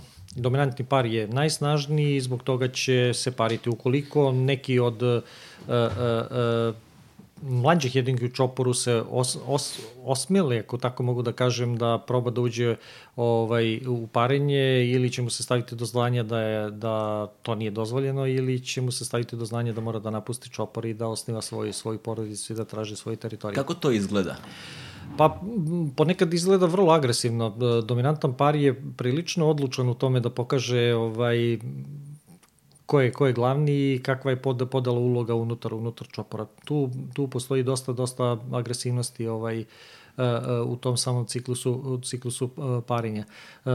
Tokom tog perioda randevua, kako se to obično naziva u literaturi, kada se ulazi u period parenja, ovaj, neće se dozvoliti drugim jedinkama, osim dominantnog para, da, da, da uđe u reproduktivni ciklus. Ukoliko pokazuju neke znake ili tendencije toga, onda će se na nekada vrlo agresivan način staviti do znanja da to u tom čoporu nije baš poželjno. A kada love? Dozvoljno. Kada love, tu postoji vrlo jasna, jasna saradnja, postoji čak i određena taktika da jedni teraju, drugi pokušavaju da, da uhvate, da postave zasedu ili da pokušavaju da, da obiđu sa strane, opkole sa strane i tako dalje tako dalje. No, no, naravno, te strategije mnogo zavise od terena, od veličine životinja koje se lovi i tako dalje prilagođena je mnog, mnogim faktorima. A koje su to zapravo, ovaj, e, ali kad ugolove plen, da li imaju hjerarhiju u tome ko koliko jede, šta da, jede, da, da, kako da, jede. Da, da, da, da, da. Po pravilu će dominantni par prvi, prvi da jede ako, ako su gladi. To zavisi, to, to takođe isto zavisi od toga kada su zadnji put jeli. Ako, ako su, uh, nisu skoro jeli, znači nisu uspeli skoro da, da ulove plen, onda po pravilu prvo jede dominantni, dominantni par. Uh, Ako su, ako, ako su relativno skoro uhvatili, dominantni par nije toliko gladan, onda tu nema neke, neke hijerarhije na planu. Zavisi, zavisi pre svega od stepena sitosti ili gladi, kako god hoćete. Koliko često vuk obično jede, odnosno koliko dugo vuk može da bude gladan i koliko njima dugo traje taj jedan obrok, ako je neki obilni, na primjer? Ako ako je obilan obrok, onda nemaju potrebe da jedu čitav dan, ali pazite, u prirodi je glad jedna, jedna uobičajena pojava, kao što sam malo pre rekao, nisu vukovi tako baš efikasni lovci kako obično svet, svet misli. E, nije ništa neobičajeno da nekoliko, nekoliko dana ili recimo kada su teške vremenske uslovi, oni zimski uslovi, imate dubok, dubok sneg, niske temperature, kada se i plen povuče na skrovita mesta, teško ga je pronaći iz mnogo razloga, da i po nekoliko dana ne jedu ništa. Znači, glad nastupa, troše se naslage energije, nije, nije, nije ni čudo da, da nije nemoguće i to se i dešava da usled gladi jedinke neki uginu. Da, e, kad već govorimo o tim stvarima, onda je neophodno da pomenemo malo staništa njihova. Ovaj, gde se, koje su staništa Vukova u Srbiji, gde se oni nalaze a, najviše i v, posledično tome um, koliko čovek a, uništava staništa, ne samo Vukova, nego divlji životinja uopšte. Pa Vukovi uh, dominantno u Srbiji naseljavaju planinski šumovite prostore. Znači, ređe, ređe po, pobrđar, jedino nizijsku tu populaciju, tu niže, niže nadmorske visine se samo povremeno, povremeno spuštaju, Pomoravlju recimo se s vremena na vreme uh, ređ, uh, sreću i jedina naša nizijska populacija je to u stvari ova koja se nalazi, odnosno bolje rečeno da govorimo u prošlom vremenu koja se nalazi u Deliblatskoj uh, peščari. Stanište je naravno pod, pod pritiskom čoveka. Danas prosto ništa nije pošteđeno na, naših, naših da. aktivnosti. Jedan od bitnih faktora ugrožavanja vukova, ne samo vukova, nego svih životinskih vrsta je u stvari uništavanje, uništavanje staništa. Čovjek koristi mnoge prirodne, prirodne resurse, e, transformiše ih, uništava ih, e, prirodne predele, prirodne ekosisteme i to je kod mnogih vrsta glavni faktor recimo ugrožavanja. Da, pretpostavljam za, znači da se vukovi kod nas nalaze najčešće, znači oni su na većim nadmorskim visinama, preko 1000-2000 metara. Sad ne znam ne tako, ne tako visoko, ne recimo od 500 metara pa, pa, pa do recimo 1000 i po metara. Aha, od 500 do 1500, od 500 do 1500 nadmorske visine i pretpostavljam da se nalaze u tim područjima gde je Tara, Rudnik, planinski pojas da, da. zapadne, jugozapadne Srbije, istočne. Uh, teško je reći gde su, gde su najbrojnije lokalne, lokalne, lokalne populacije, ali vrlo boj, brojna populacija je na, na staroj planini, na planinama recimo uh, uh, jugoistočne Srbije, takođe zapadna, jugozapadna Srbija, Pešterska visoravan, planine koje se naležu na, na, na, na Pešterski, taj predeo, Golije i tako dalje, su takođe dobri, dobri vuči tereni, kako bi se to rekao. Koliko je zapravo čest susret čoveka i vuka i koliko su česti napadi vuka na čoveka? Pošto um, svašta čujemo, ali koliko je to sad realno? Pa ljudi koji, koji žive i dele prostor sa Vukom sreću relativno često, da kažemo, ovaj, Vuka, naravno mnogo, mnogo češće nego mi ovaj, iz grada kada dođemo u prirodu. A e, susreti se po pravilu završavaju tako što Vuk ode. Mi poslednjih, e, mislim, 100 godina da nemamo zabeležen napad ovaj, e, e, e, Vuka na čoveka. Tako da prilično je sigurno sresti vuka u prirodi. Tako, bez, bez, bez, bez bilo kakve bojasni. Za razliku ovaj, od medveda. Za razliku od medveda, ovaj, sa medvedom situacija je potpuno drugačija. Medved je mnogo krupnija životinja, životinja koja je sposobna da povredi čoveka i takvi, nažalost, nesrećni slučajevi se dešavaju s vremena na vreme. Istina, kod nas su jako redki i povređivanje isto takođe kod nas nije bilo poslednjih dve, tri decenije. Dobro, e, do, polako ćemo doći do, do medveda i priče o njima, ali pre, toga, pre svega toga me zanima, pošto smo govorili puno o lovu na vukove i o, o, o njihovoj populaciji i tako dalje, ali postoji jedna zanimljiva tema određivanja tih lovnih kvota kada su vukovi u pitanju. Dakle, na koji način se one određuju? A, u ovom momentu se određuje tako što svako, svaki korisnik lovišta, kako se to kaže, znači udruženje ili neko od ovih komercijalnih lovišta, njihove stručne službe procenjuju populaciju i na osnovu toga e, određuju sami sebi lovnu kvotu. Mi mislimo da to nije dobar pristup, nego da se mora preći na upravljanje na nivou populacije, odnosno da se mora upravljati uh, uh, čitavom populacijom koja se nalazi južno od Savi i Dunave, da se mora procenjivati brojnost uh, na godišnjem nivou ili dobijati neka, neki indirektni pokazatelj populacijalnog trenda na osnovu koga ćemo donositi ja. neke upravljačke, upravljačke odluke. Za, zašto mislim da je to pogrešno? Zato što vukovi imaju velike teritorije. Ja mislim da, da možda ne bi našli ni jednog jedinog vuka u, u Srbiji ili čopor koji se nalazi unutar recimo jednog lovačkog udruženja, da svoju teritoriju nema barem na dva susedna, a ne u, većinu, u, u mnogo slučajeva takođe da recimo da, da čopor Vukova ili jedna jedinka ima teritoriju na više upravljača, kako se to kaže, recimo na više lovačkih da. udruženja, dva, tri, možda i četiri, ne znamo jer ne, nemamo te podatke iz praćenja, kada budemo dobili onda ćemo imati malo preciznije odgovore i tamo gde se radi na relativno kvalitetan način, mislim da je standardna greška koju pravi to takozvano duplo brojanje. da komšije broje iste vukove i onda od 10 vukova koji žive na granici, jel tako, između dva udruženja dođete do 21, jer istih 10 su prebrojali i jedni i drugi, jel tako? Da. I onda to do, donosi uh, pogrešne, uh, pogrešan, uh, pogrešnu brojnost i to možda bude faktor ugrožavanja, odnosno da se oni love prekomerno i da dođe do, do ugrožavanja. Mnogim lovačkim udruženjima ili nemaju znanja, nemaju volje, nemaju želje, to se odoka procenjuje što je još možda a, i gore i mislim da je zato bolje da se, da se to donosi na, na, na nivou čitave populacije, ali da bi to radili potreban nam je kvalitetan monitoring.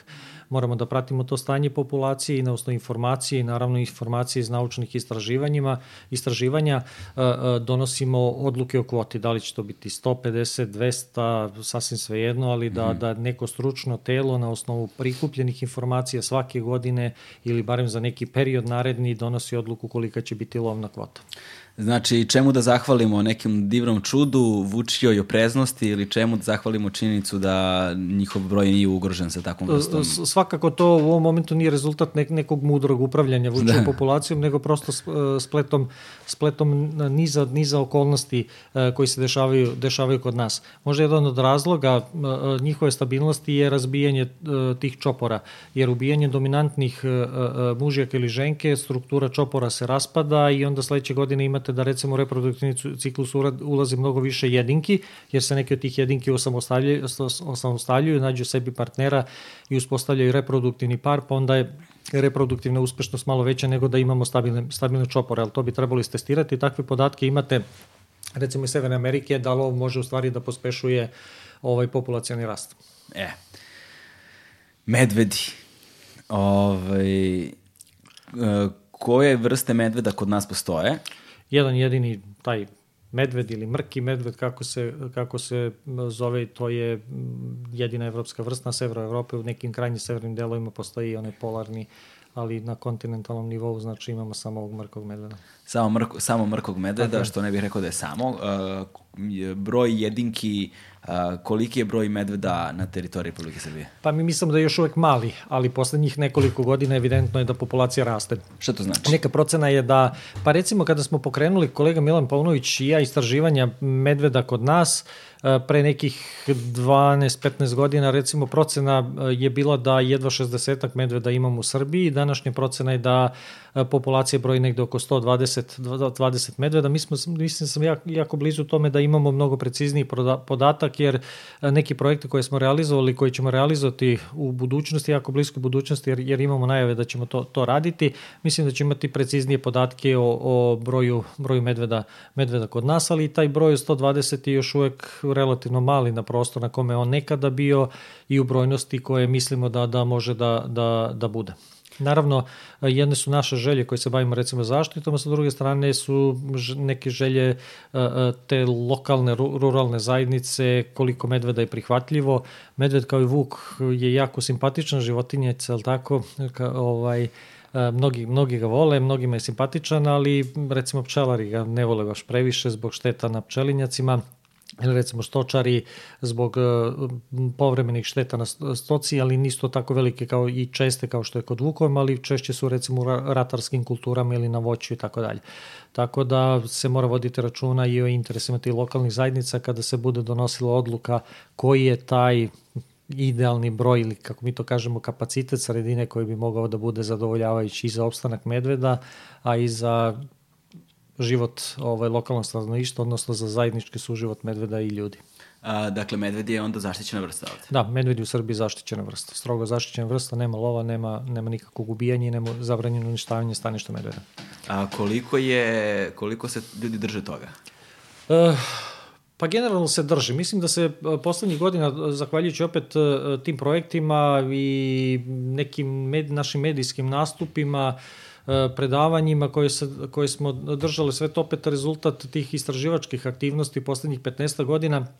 Mislim da je da je to uticalo na svest ljudi mnogi pozitivnije sada gledaju, gledaju na medveda. To vidimo iz, iz recimo činjenice da dobijamo mnogo podataka, sve više više imamo saradnika, imamo ljudi sa mhm. terena koji nam javljaju recimo informacije o medvedima, zainteresovani su za njega, za njegov opstanak, za oporavak te populacije i čini mi se da ta promena ovako ovaj, je možda jedna od najsvetlijih tačaka u ovom momentu zaštiti, zaštiti, zaštiti medveda. Takođe, jedan od rezultata je da smo prikupili zaista veliku količinu informacija za ovih desetak, 15 godina. Zaista smo napravili ozbiljan, ozbiljan napredak u, u, u količini znanja koje imamo u momentu ovaj, o medvedu. Naravno, to je još uvek daleko od onoga recimo što postoji u Hrvatskoj ili u Sloveniji ovaj, da ne idemo, ne idemo dalje, ovaj, ali zaista, zaista činimo, činimo, činimo napore i učinili smo već ozbiljan napor i u tom pravcu idemo, idemo dalje.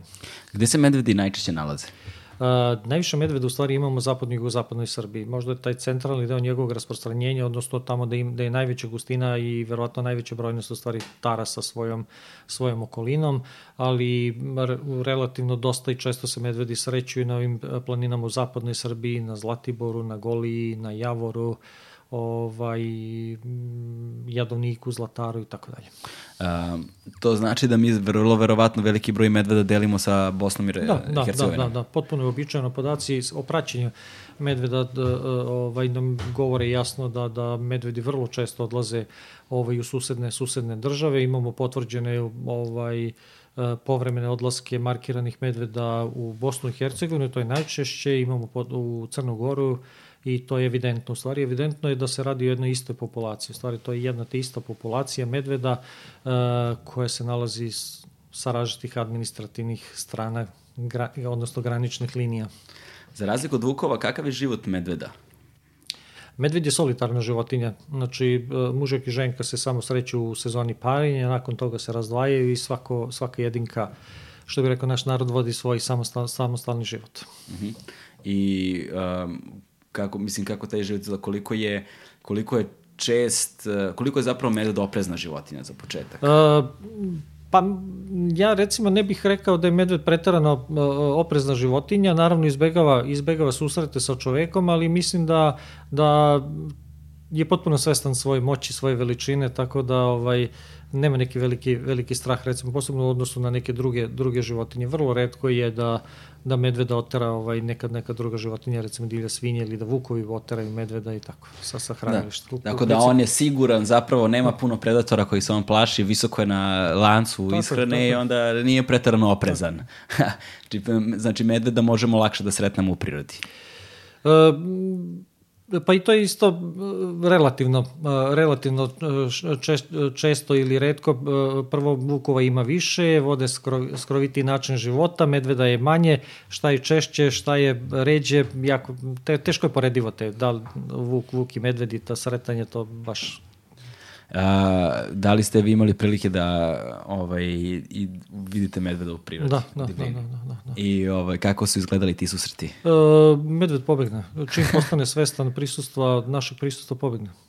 A, ali ste vi zapravo a, učestvovali i u hvatanju medveda za istraživačke svrhe, ali tako? Da, da, da. da, da. kako to izgleda? Opišite mi. Uh, pa da bi, uh, naravno, postave se zamke. Uh, kako, ta, kako to kaže u zapadnoj Srbiji, mora da, da ga sapnete. Uh, to je jedan sistem sajli i okidača koji ovaj, uhvati medveda. Naravno da ne pobegao, to sve to mora da bude privazano za neko dovoljno jako drvo koje će držati medveda na mm -hmm. mestu. Ali oni ne, osle, ne, ne ozleđuju životinje? Ne, ne, ne. Dizajnira se tako da ne naprave nikakve rane i zaista... Kako izgledaju te, te, te Teško je opisati. Da. To, je, to je specifična zamka na dizajnirane za hvatanje medveda i samo hvata medveda, jako teško može da uhvati bilo šta drugo. Mi smo jedino imali slučaj hvatanja jednog, jedne divlje svinje ovaj, na jadovniku i ništa više osim medveda nismo uhvatili te, eto, jedne, jedne divlje svinje. Mm -hmm. Prosto napravljena je tako, tako je dizajnirana zanka da samo medved može da se... E se one proizvode kod nas ili? E, mi smo iskopirali praktično tu Oldrich zamku i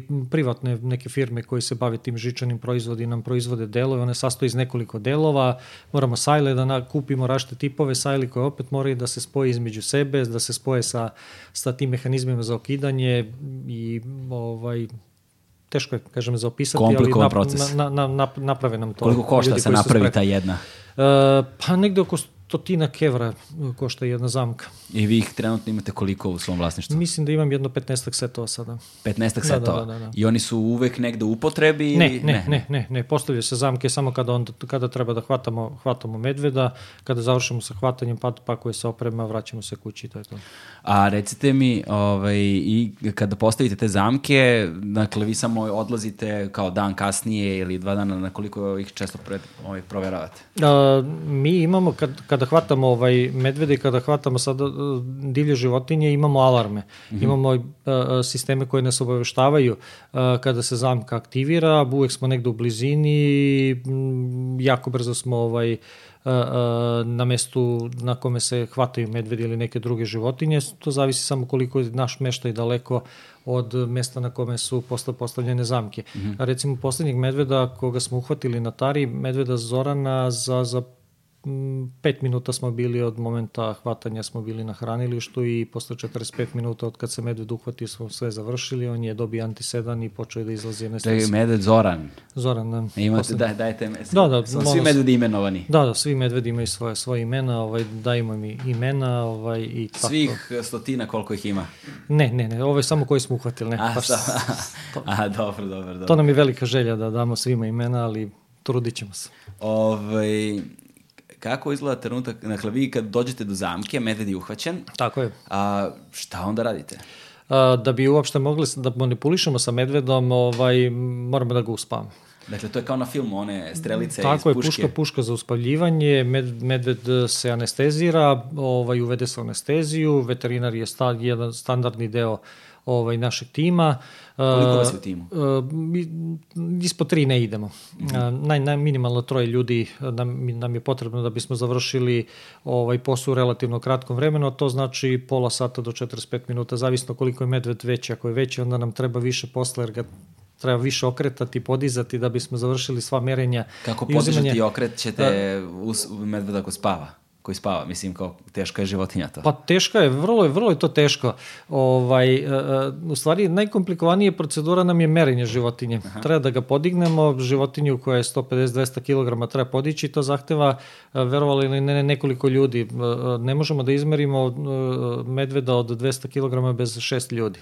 Aha. Znači 200 kg ja mislim da mogu da podignu, ne, ne morate teretanu, to će podići dva, dva čoveka, ali se radi o životinji koja je anestezirana, koja je ono što narod kaže potpuno mlitava i onda je jako, jako teško da to podignete jer uvek nešto visi, a morate podignete od zemlje i onda je to da. ovaj, komplikovano, ponekad deluje, deluje smešno, ovaj, spuštamo ga, diži, pakujemo noge, jer mu jedna ispala ovaj, i visi dole, dodiruje zemlju, ne možemo podignemo i onda to onako nekad bude ovaj i, i, i ovaj smešno zaista. Koliko ta, je, ta, ta, kakav je, merenja. kakav je osjećaj ovaj, kada uživo stojite pored ono, medveda koji spava? Uh, nama je tu u stvari naj, najveći, najveći doživljaj. Uh, uh, pazite, uspavan je medved i naravno kad sve završimo, znači kad stavimo ogrlicu, volimo da se fotografišemo sa svakim medvedom, to, na, to nam je onaj vrhunac uh, zaista uspeha, sve smo završili, uh, niko nije povređen, medved je živ i zdrav, stavili smo mu ogrlicu, uh, slaće nam podatke o svom kretanju i to je zaista vrhunac, da kažemo, ovaj, nekog zadovoljstva koje, koje doživimo kada, kada hvatamo Koliko medveda. ste puta bili, ono, lo, ne lovu, u hvatanju medveda? Koliko ste puta? Dosta, dosta puta. Naravno, nismo uvek uspešni. Da. Nije uopšte velika redkost da, da se vratimo pognute glave, da nismo uhvatili medveda i to se dešava, naravno. Jer se Nije ni dešava da se medved oslobodi zamke? E, da, da, da, da, imali smo, da. Koji Imali smo, procenat njih pobegne iz zamke? Uh, vrlo, vrlo mali. Im- Imamo ono, vidimo da je, da je, da je stao medved, mi to kažemo povukao je sajlu, vidi se da, da je vukao sajlu za sobom, ali da je uspeo da izvuče nogu iz nje. Nije, nije, nije, nije ga dobro sajla stegla i da izvadio nogu. Prosto sve ostane ne, ne, neoštećeno, ali izvukao je nogu. Prosto. E, a, ovaj, koliko je medved zapravo brz i koliko je medved snažan? Ja mislim da postoji jedna zabluda a, kada ljudi vide medveda i vide njegov, njegovo tromo kretanje i glomaznost da u suštini misle da, ali da medved nema bekstva. Da, da, to je, to je takođe onako zabluda da je medved trom, jel tako, debeo i trom, medved možda trči do 60 km na sat, znači ne možemo se pobegne.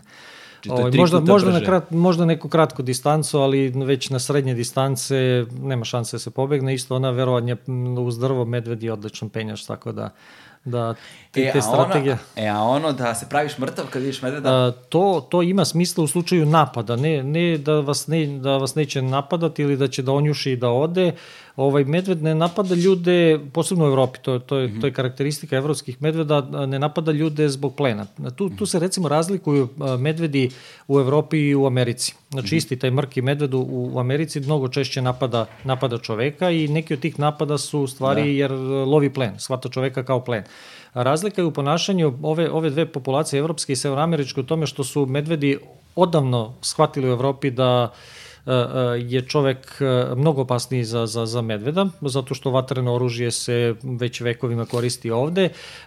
Medvedi su sa vatrenim oružjem u kontaktu tek 200 godina, recimo u Americi, da. ili možda malo nešto duže, i još nisu navikli da ne treba da, da, da se igraju sa, sa ljudima, jer se po pravilu sukob sa njima loše završi po, po, po, po medveda. Tako da su napadi tamo mnogo češći. Da, znači, a... još uvek nije ušlo, ajde da kažemo, u neku srž te populacije, uh, uh, taj iskonski strah od čoveka. Kod nas su da. medvedi naučeni, naučeni na to, izbegavaju, izbegavaju čoveka i ne pokušavaju da napadne recimo u, u, smislu, u smislu dolaska do hrane, recimo da, da čoveka doživljavaju kao plen. Isključivi napadi ovaj, na čoveka su, mi barem tumačimo zbog samoodbrane, da se medvedi iz nekog razloga osete ugroženi i da u tom momentu napadaju čoveka. A zapravo ono kad se čovjek pravi mrtav, šta je fora sa time? To je, to je u slučaju napada uh, da. koristan savet da se sklupča, da se zauzme taj, kako se to kaže, uh, položaj fetusa, da se rukama zaštiti glava, savijete se zaštite mek, meke delove stomaka i grudi i da na taj način u slučaju napada ujedanja ili udaranja, udaranja šapama, odnosno kanđama, oštećenja ne budu barem fatalna. Da, ali u suštini to neće, to što si ti miran i ležiš tako, praviš se mrtav po znacima navoda, neće sprečiti medveda da te napadne. A, ne, ako se desio napad, da, da, da, da. ako je krenuo da napadne, napašće, ali ako ne pružate otpor, taj napad neće dugo da traje. Aha. Neće vas e, možda napadati dok uh, praktično ne prestanete da dajete ovaj E, otpor ili ste izgubili svest ili ste već, već mrtvi, možda će vas uvesti jedan, dva put udariti i otići, jel tako, da. kad vidi da više ne predstavljate prednju, ostavit će vas na miru, ali ako pružate otpor, ti napadi će trajiti duže. Koja vjerojatnoća će vas medved ostaviti na miru? Uh, vrlo, vrlo, vrlo velika ako, da. ako se da ponašate... Čovjek. Ne, ne, ne. Ne, ako se ponašate ovaj, oprezno i vi, jel tako, treba ga poštovati, treba poštovati tu činjenicu da možda po, povredi čoveka i treba se čini se držati one narodne nečačka i mečka, jel tako? Ne. Mislim da je to jedna mudra, mudra narodna izreka, ne treba prilaziti medvedu ovaj, blizu, ako dođe do susreta vidite medveda eh, da su to neke distance ovaj, relativno kratke, kratke, bliske, e, treba se lagano udaljiti, ne treba čak ni vikati, to isto takođe je loše, možete da ga uplašite svojom drekom, da ga iznenadite prosto ako vas nije video na vreme i da reaguje neočekivano pa da napadne, da se oseti ugroženo, znači lagano se treba udaljiti, kada se udaljite onda da, date mu do znanja da, da ste tu, da se nakašljete ili da kažete nešto ili da, da ovaj, Da. Ne, ne da se proderete, ali glasno neki krik da spuštite, pustite ili neki glas jednostavno ovaj, da mu stavite do znanja da se tu čim, čim shvati da je čovjek blizu, pobeći će ili će se udaljiti prosto lagano i otići od vas.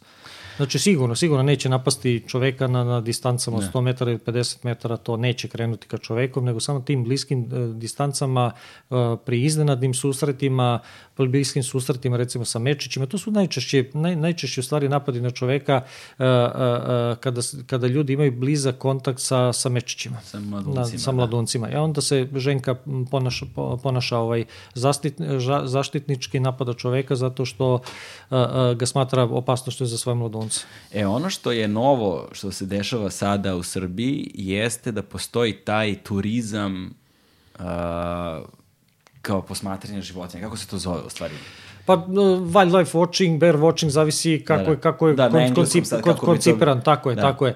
Uh, mislim da je tu najveći prodor napravio Nacionalni park Tara, Mhm. uh, jer sada već ima u svojoj standardnoj ponudi posmatranje medveda. Uh, tamo postoje tri hranilišta koji su uređene, imaju te takozvane čeke ili osmatračnice, kako god hoćete, sa kojih može iz jednog, jednog da kažem, komfora lepog da se sedi ovaj, i da se proba sačekati i da se vidi, vidi, vidi medved i uspešnost je prilično dobra.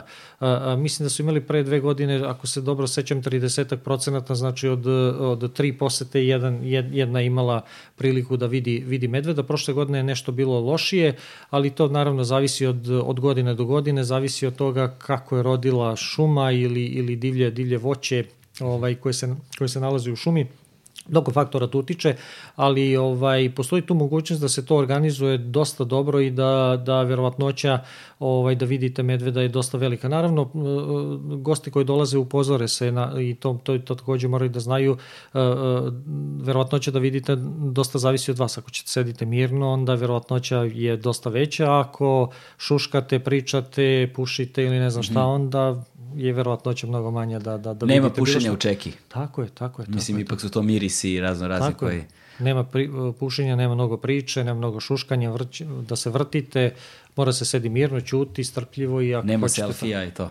Tako je, tako je, tako je, tako je, tako. Ne, može, može da se fotografiše, ovaj, a, a, bilo je, bilo je gostiju koji su odneli onako, boga mi, lepe, lepih fotografija sa, sa, sa čeka već iz Nacionalnog parka Tara i Tara obično dobije te fotografije od tih gostiju ovaj, koji su načinili te fotografije, ima lepo onako već kolekciju a, slika, ajde da kažem, zadovoljnih, zadovoljnih gostiju. Super.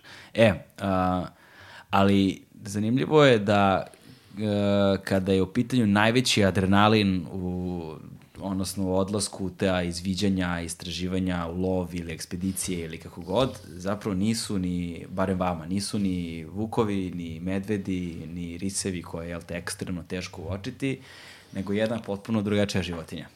Da. Koja je životinja u pitanju? Meni je najuzbudljivije hvatanje dabrova. Da, brova. Uh, dinamično je, noću je, sa čamcom je i ovako, ne znam, meni je to ovaj, Šta je to u vezi najveće sa dab... uzbuđenje. Šta je to u vezi sa dabrovima što čini tu stvar tako uzbudljivo? Pa mislim da je to dinamično. Uh, Kada, kada radite, radite sa, sa, sa zamkama, to je tipičan lov. Znači, Da. tipično čekaj, kao loviš čeke. Morate budete strpljivi da čekate, da životinja dođe, da stane, da se uhvati i onda se sve dešava u relativno kratkom vremenu. Znate, e, uzbuđenje je najveće kad uhvatite medveda, kad dođete ti prvi par minuta, vidite da se uhvati, dok se mi raspremimo, ovaj, spremimo anestetike, pušku za uspavljivanje, kada ispalite tu strelicu, on vrlo brzo zaspi, sve to se jako brzo završi nekako. Ovde ste aktivni, prvo morate da ga nađete, jel tako, vozite se čamcem, duž neke, neke re- rečice, kanala, sasvim sve jedno, da ga nađete, pa da ga pojurite, da ga stignete, da ga uhvatite, prosto sve dinamičnije i... Ovaj, I to se radi meni- noću? Da, da, no- noću, noću. Znači, da, dabar je noćno, Da, no, noćno, aktivan. noćno aktivan sa, sa jakim nekim svetlima, sa farovima dobrim. Oni I tako, i, i mnogo, da, da, i uh, najuzbudljivije stvari uh, uh, je recimo kada, kada lovite, a bistra je voda. Aha. Zato što celo vreme, mi to kažemo, držite ga u faru, znači on je vidljiv ispod vode. Znači, vidite ga dok roni. Uh, imali smo prilike zaista na Zasavici da imamo tako bistru vodu, ali to se stvarno re- redko, redko deša, dešavalo samo par puta da vidimo ga u svakom momentu i na površini kada zaroni. Voda je kristalno bila recimo ovaj providna da vidite mu oko ono, Da. dok, dok pliva ispod vas vi pokušavate da ga uhvatite on beži ovaj, Ovaj, ko, uh, fascinantan je podatak zapravo da koja je populacija dabrova trenutno kod nas? Mislim da je da je populacija uh, nekoliko stotina, sada je već jako teško, nismo imali nažalost finansiranje već poslednjih deseta godina uh, uh, ovaj, za te projekte Dabro i mislim da bi bilo jako dobro da država odvoji neka sredstva, pre svega Ministarstvo zaštite životne sredine, da probamo da mapiramo sve teritorije. Ja to i dalje pratim koliko mi naravno dozvoljavaju financije koje mi stoje na raspolaganju, ovaj, ali polako gubim, gubim, ajde tako kažem, figurativno trku, jer sa, od saradnika na terenu sve više i više dobijemo podataka o prisustvu Dabra, teritorije koje su oni već naselili za ovih ovaj 13-14 godina od kad su pušteni, znači od 2004. ovaj 2004. 2005. smo ih vratili u Srbiju, je sve veće i veće. Najjužniji nalaz koji imamo recimo sada je na Velikoj Moravi kod Velike plane, duž gotovo čitavog toka Dunava imate Dabrova, cela da. Tisa je već zauzeta, dobar deo ovaj, Tamiša ja. takođe ima Dabrovi, sada je, sada je već velika teritorija Srbije, ima Dabrovi, to bi trebalo izmapirati i da probamo da procenimo koliko tu porodice, koliko teritorija imamo i na osnovu toga recimo da procenimo brojnost Dabrova. To je ono što je zapravo važno da napomenemo kada je populacija Dabrova u pitanju, posebno uh, jer Dabrova je u Srbiji bilo nula. Mi smo zapravo istrebili bili sve tako Dabrova. Je, tako je, tako je. I možda još, još jedna uh, zanim, simpatična zanimljivost da je Srbija poslednja evropska zemlja koja je izgubila Dabra. Zaista? Tako je. Prema istorijskim dokaz, dokazima, podacima, poslednji dabrovi koji su registrovani na, na krajem 19. veka su poslednji dabrovi koji su nestali u stvari sa čitavog Dunava. I malo nam je falilo ovaj, da sačuvamo dabrove kod nas. Eto. Ali za nismo malo. uspeli. Nismo, nismo On uspeli. je bio zapravo dragocena životina za lovo, on je istrbljen lovom. Tako, tako je, tako je, tako je. Lovili su ga zbog krzna, lovili su ga zbog mesa, nada sve su ga lovili zbog uh, tih kastorijalnih žlezda koji su imali sadržaj koji se zove dabrovina. Uh, sadržaj tih žlezda se koristio, da, to bi se danas nazvalo tradicionalnom medicinom, da. u neka stara, stara vremena, pre svega u antičkoj, su recimo lečili psihičko bolenje, sa njim verovali su da ima lekovita, lekovita svojstva, ovaj, e, koristili su ih kao nosač, ono bazičnu substancu za parfeme, recimo u srednjem veku koji su, koji su pravili. Danas se priča da zbog e, e, činjenice da se uglavnom hrani korom vrbe, a ono u sebi ima acetalsalicilnu kiselinu, da možda ima tu nekih lekovitih potencijala, ali to nije nikada, nikada dokazano. Te kastorilne žlezde njima služe za markiranje. Jasno. E, a s druge strane, da, dabrovi zbog mesa, kako je, kako je meso dabra? Pa meso dabra kao i svake, svake druge životinje. Da, nisam Mislim nikad čuo da, da može se jede meso dabra. Pa, na, znate, kad, kad pomislite na kineze, onda shvatite da svašta može da se jede. da. Tako, pitam, mislim da je to sam stvar, samo stvar tradicije. Prosto tradicija, ono što je možda za da. nas čudno, neobično, nekim delom sveta nije i to... Mislim, e, sada, a, ovaj, poslednji segment našeg razgovora, a to su šakali u suštini. Ovaj, sad, ajde nekako da postavimo šakale u odnosu na vukove, jer su im negde najbliži su im, ali oni su značajno manji i oni su značajno drugačije psihološke konstitucije i strukture socijalne. Da, do, dosta, dosta manji ovaj, u odnosu na, na vuka. Recimo, ako poredimo masu, skoro tri puta je lakši u, u odnosu na vuka i to je takođe jedan blizak, blizak srodnik vuka, nalaze su u istom rodu, rodu kanis, mogu e, da se pare između sebi, da daju plodno potomstvo. To u stvari čitav rod pasa, rod kanis, nije reproduktivno izolovan i svi pripadnici tog roda mogu između sebe da se pare i da daju plodno, plodno potomstvo. Dakle, šakali i vukovi mogu da se pare? Da, da. da da li se da. to dešavalo? Uh, nemamo, nemamo tih potvrda, ali prve, prve potvrde te hibridizacije u Evropi imamo iz Hrvatske da je potvrđeni prisustvo hibrida uh, psa i šakala. Psa i šakala, da, šakala da, i vuka ne. Ne, ne. Za dakle, sada. Vuk će radije sa psom nego sa šakalom. e, za sada tako situacija stoji. E, šakal u suštini ima uh, najgoru reputaciju među svim karnivorima. Tako je, tako ne. je. Sam, sam reč šakal, recimo u Africi, možda onako naj, naj, naj negativniji kontekst kada kažete da je neko kao šakal ili ga poredite sa šakalom, to je onako jedan zaista negativan, negativan kontekst, ali čini se i kod nas nije nešto mnogo baš bolja situacija. Uh, šakal nema baš dobar status kod ljudi i mislim da je tu možda još, još možda i bolji primer koliko to praznoverje ili nedostatak informacija ovaj, doprinosi da se o nekim životinjama stvara jedna potpuno pogrešna, pogrešna slika. Šakala danas imamo mnogo zbog nekih naših ružnih navika, one su vezane, jel tako, kako se ponašamo u odnosu na smeće, u ovom slučaju na organski otpad koji ostavljamo svuda oko naselja, posebno u ruralnim sredinama oko sela, velika količina animalnog otpada završi oko nekih plotova, jel tako, ovaj, na, obodu, na obodu sela i to šakali vrlo vešto koriste. Čini se da su u tom smislu najadaptibilniji ili, ili su možda najsposobniji ili su najbolje shvatili kakav je to potencijal koristiti te antropogene resurse, pre svega antropogenu hranu hrana. U njihovoj hrani recimo preko 50% u stvari animalni otpad koji ostaje iza nas. To je neki klanični, klanični otpad. Ako tome dodate glodare sa poljoprivrede, onda je to ovaj red veličine preko 70% njiho, njihove hrane. Pu, pa čime su se onda hranili pre da. čoveka? Ono? A, to je veliko pitanje, ne, nemam tih podataka, ali morali su da love. I čini mi se da kontrola te populacije, ukoliko želimo da da zaustavimo taj, taj rast, dalji rast populacije šakala u Srbiji, ne samo u Srbiji, nego u populaciji, pre svega moraju da se menjaju naše navike, naše ružne navike da se otpad ostavlja bilo gde, ne bilo gde, nego svuda u prirodi kako, da. kako, kako je trenutno i da natramo šakala da lovi.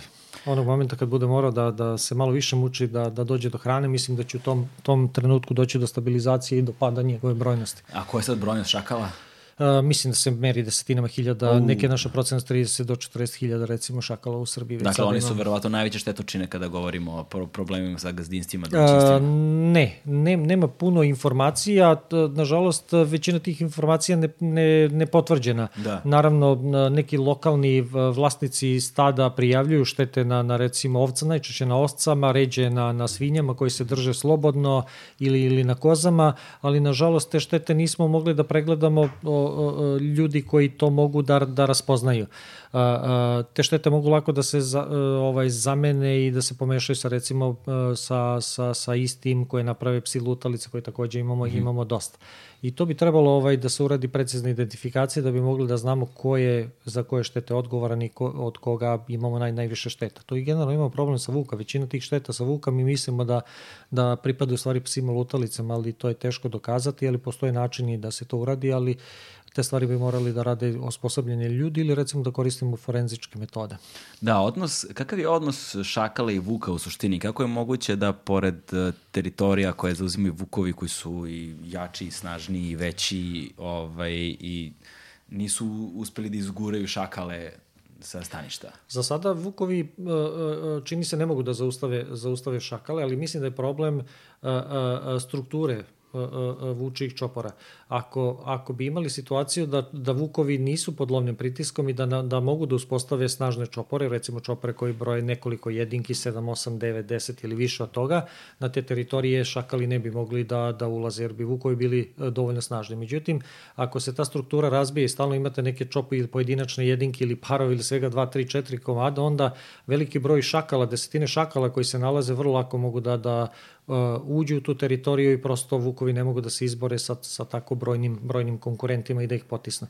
Mislim da je to, to veliki, veliki pro, uh, problem. Vidjet ćemo tamo recimo šta će se dešavati na primjer u Poljskoj, da da je, da je, uh, je Vuk uh, uh, ovaj, po dobrom zaštitom i dobrim upravljanjem, da imaju brojne čopore, dobro registrovane, mapirane čopore, vidjet ćemo kako će se tamo situacija, situacija ovaj, odvijati, odvijati u budućnosti.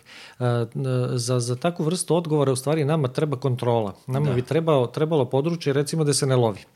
Da imamo neka područja da nemate uh, lovnih aktivnosti i da onda možemo da to testiramo u odnosu na, na, na ostatak, ostatak teritorije. Nažalost, mi to nemamo. Čak kod nas je po zakonu e, lov dozvoljen čak i u nacionalnim parkovima mm. i možda, možda za nas to istraživače je uh, uh, najlošija, naj, najlošije moguće ove rešenje, zato, zato što, kažemo, ovo treba, trebaju nam neka područja u kojima uh, lova ne bi bilo ili da budu te lovne aktivnosti gotovo minimalne, svedene na minimum, samo na neku kontrolu, prevenciju šteta ili kontrolu recimo širenja zaraznih bolesti, tako neke, znači minimalna, minimalna intervencija ljudi u smislu smanjenja populacije da se recimo uspostave čopori, da ti čopori imaju neku svoju prirodnu dinamiku i da to, to recimo testiramo u odnosu na, na ostatak teritorije Srbije. Kako se ponašaju čopori šakala u suštini? Kakva je njihova struktura u odnosu recimo na strukturu vukova? A, I prvo, koliki su? Prvo mi kažemo da šakali žive u grupi, da žive u čoporu. A, zašto to tako kažemo? Zato što nema nikakve potvrde da, da šakali formiraju čopor zato što nema socijalne organizacije. Nismo primetili još da postoji neka hijerarhija u tim, u tim grupama. Inače, za šakala kažemo da ima vrlo fleksibilnu socijalnu organizaciju. Zašto to kažemo? Zato Kao što... eufemizam za nekog, ono... Pa da, da, da. da. Zato što, zato što šakal može da živi sam, znači svaka životinja da bude, da bude solitarna, može da živi u paru, a može da živi u grupi. Tako da, da, da tomu pruža e, daleko veće opcije, daleko veću fleksibilnost recimo i da koristi, da koristi recimo resurse. Ako, ako formira grupu, onda taj grupni lov kako kod Vuka daje određene prednosti, ali ako ne može da formira grupu iz bilo kakvih razloga lovnog pritiska uh, ili nekih drugih ovaj E, unutar populacijskih, aj tako da kažem, ra, razlika, snalaze se odlično i sami ili u paru, tako da nema nikakvih problema. Vuković uvek po pravilu pokušati da formiraju ovaj čopor zato što im to daje mogućnost boljeg i efikasnijeg, efikasnijeg lova. E, kao oportunista Šakal vrlo lako koristi one dostupne resurse koje mu stoje, stoje na raspolaganju, čak i one koje nemaju baš mnogo veze sa prirodom, a koji su rezultat naše aktivnosti. Tako da e, Šakal, recimo kao i lisica, u suštini glavni, glavni plen šakala su sitni glodari. Da. Ako ih imate mnogo na poljoprivrednim površinama i po pravilu to šakali vrlo vešto koriste. Odlaze, odlaze na poljoprivredne površine, love te glodare koji se tamo namnožavaju u velikom broju, obiđu plotove, jel tako, pobodima sela, pogledaju šta ima novo bačeno, najedu se i vrlo, vrlo brzo zadovolje svoje dnevne potrebe za hranom. Ali je vrlo zanimljivo to da šakali zapravo, za razliku od vukova, uh, imaju, to, je, to mi je recimo beskreno zanimljivo, oni umeju da prihvate mladunčad koje nisu njihove da ih odgajaju kao roditelji. A, to je zanimljiv, zanimljiv rezultat koji je dobijen u Africi. A, kod Vukova je jako redko da član čopora bude neko ko nije iste porodice, znači ko nije potomak dominantnog para.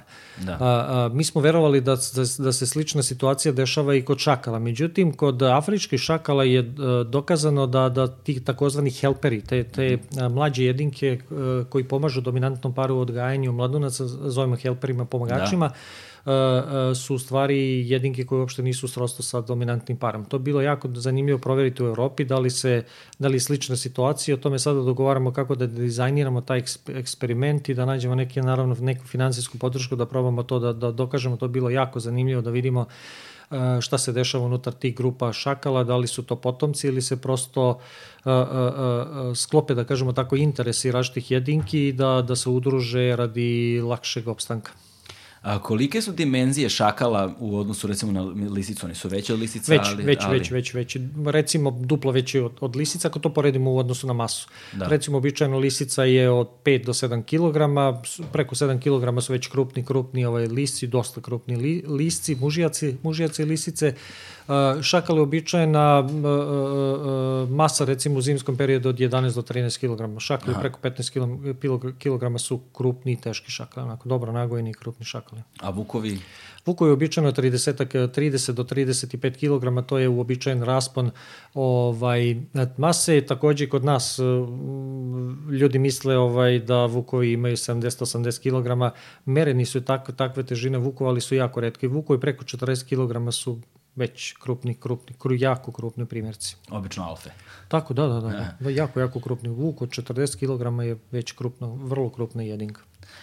Um, I sa, sad me zanima samo za kraj, uh, koliko ovaj, kada, ka, koje su sad ne, neuralgične tačke, koje su najvažnije stvari na koje bi trebalo da se obrati pažnja kada je vaša delatnost u pitanju, kada su staništa ovaj, naših karnivora u pitanju, šta je najvažnije na što bi trebalo da se fokusiramo i još jedna stvar, kako ove globalne klimatske promene utiču ne samo na staništa, nego i na biodiverzitet u našoj zemlji.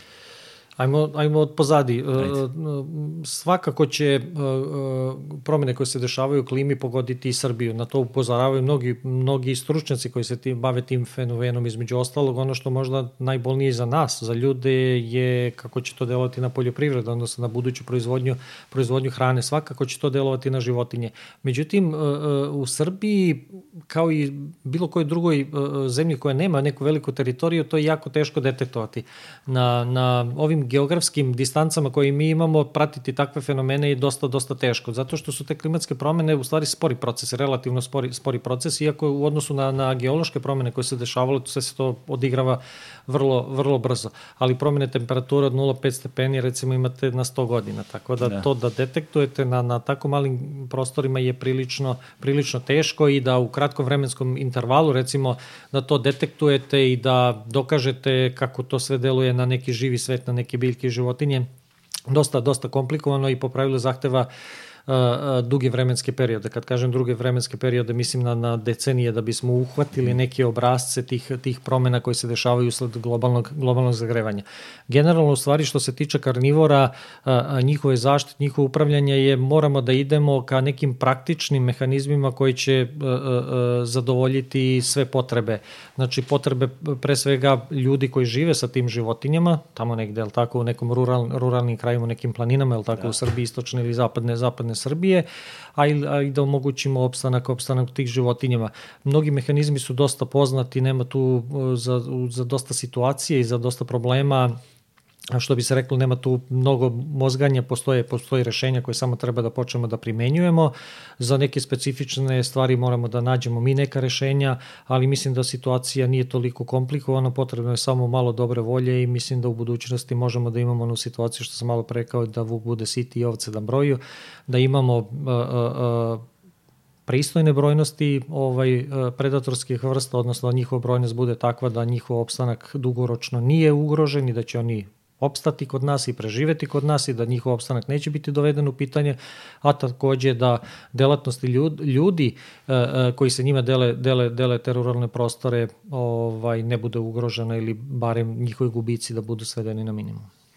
Važ, hvala vam puno na ovom a, inspirativnom, informativnom razgovoru i sledeći put kada budete išli u neku a, čeku na Vukove, slobodno, ako imate jedno upražnjeno, neupražnjeno mesto, pozovite me, ja ću se zadovoljstvom da se odazovem bilo bi lepo prisustovati tako nečemu i ukoliko u budućnosti se bude snimao neki dokumentarni film, vi ste prvi na spisku da vas pozovem za saradnju ovaj, i želim vam sav rad, uspeh u daljem radu i na fakultetu. Hvala vam i na pozivu, hvala na lepim rečima, nadam se da sledeći put snimamo u prirodi. Tako je, hvala puno.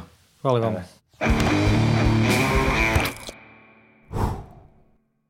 Hmm.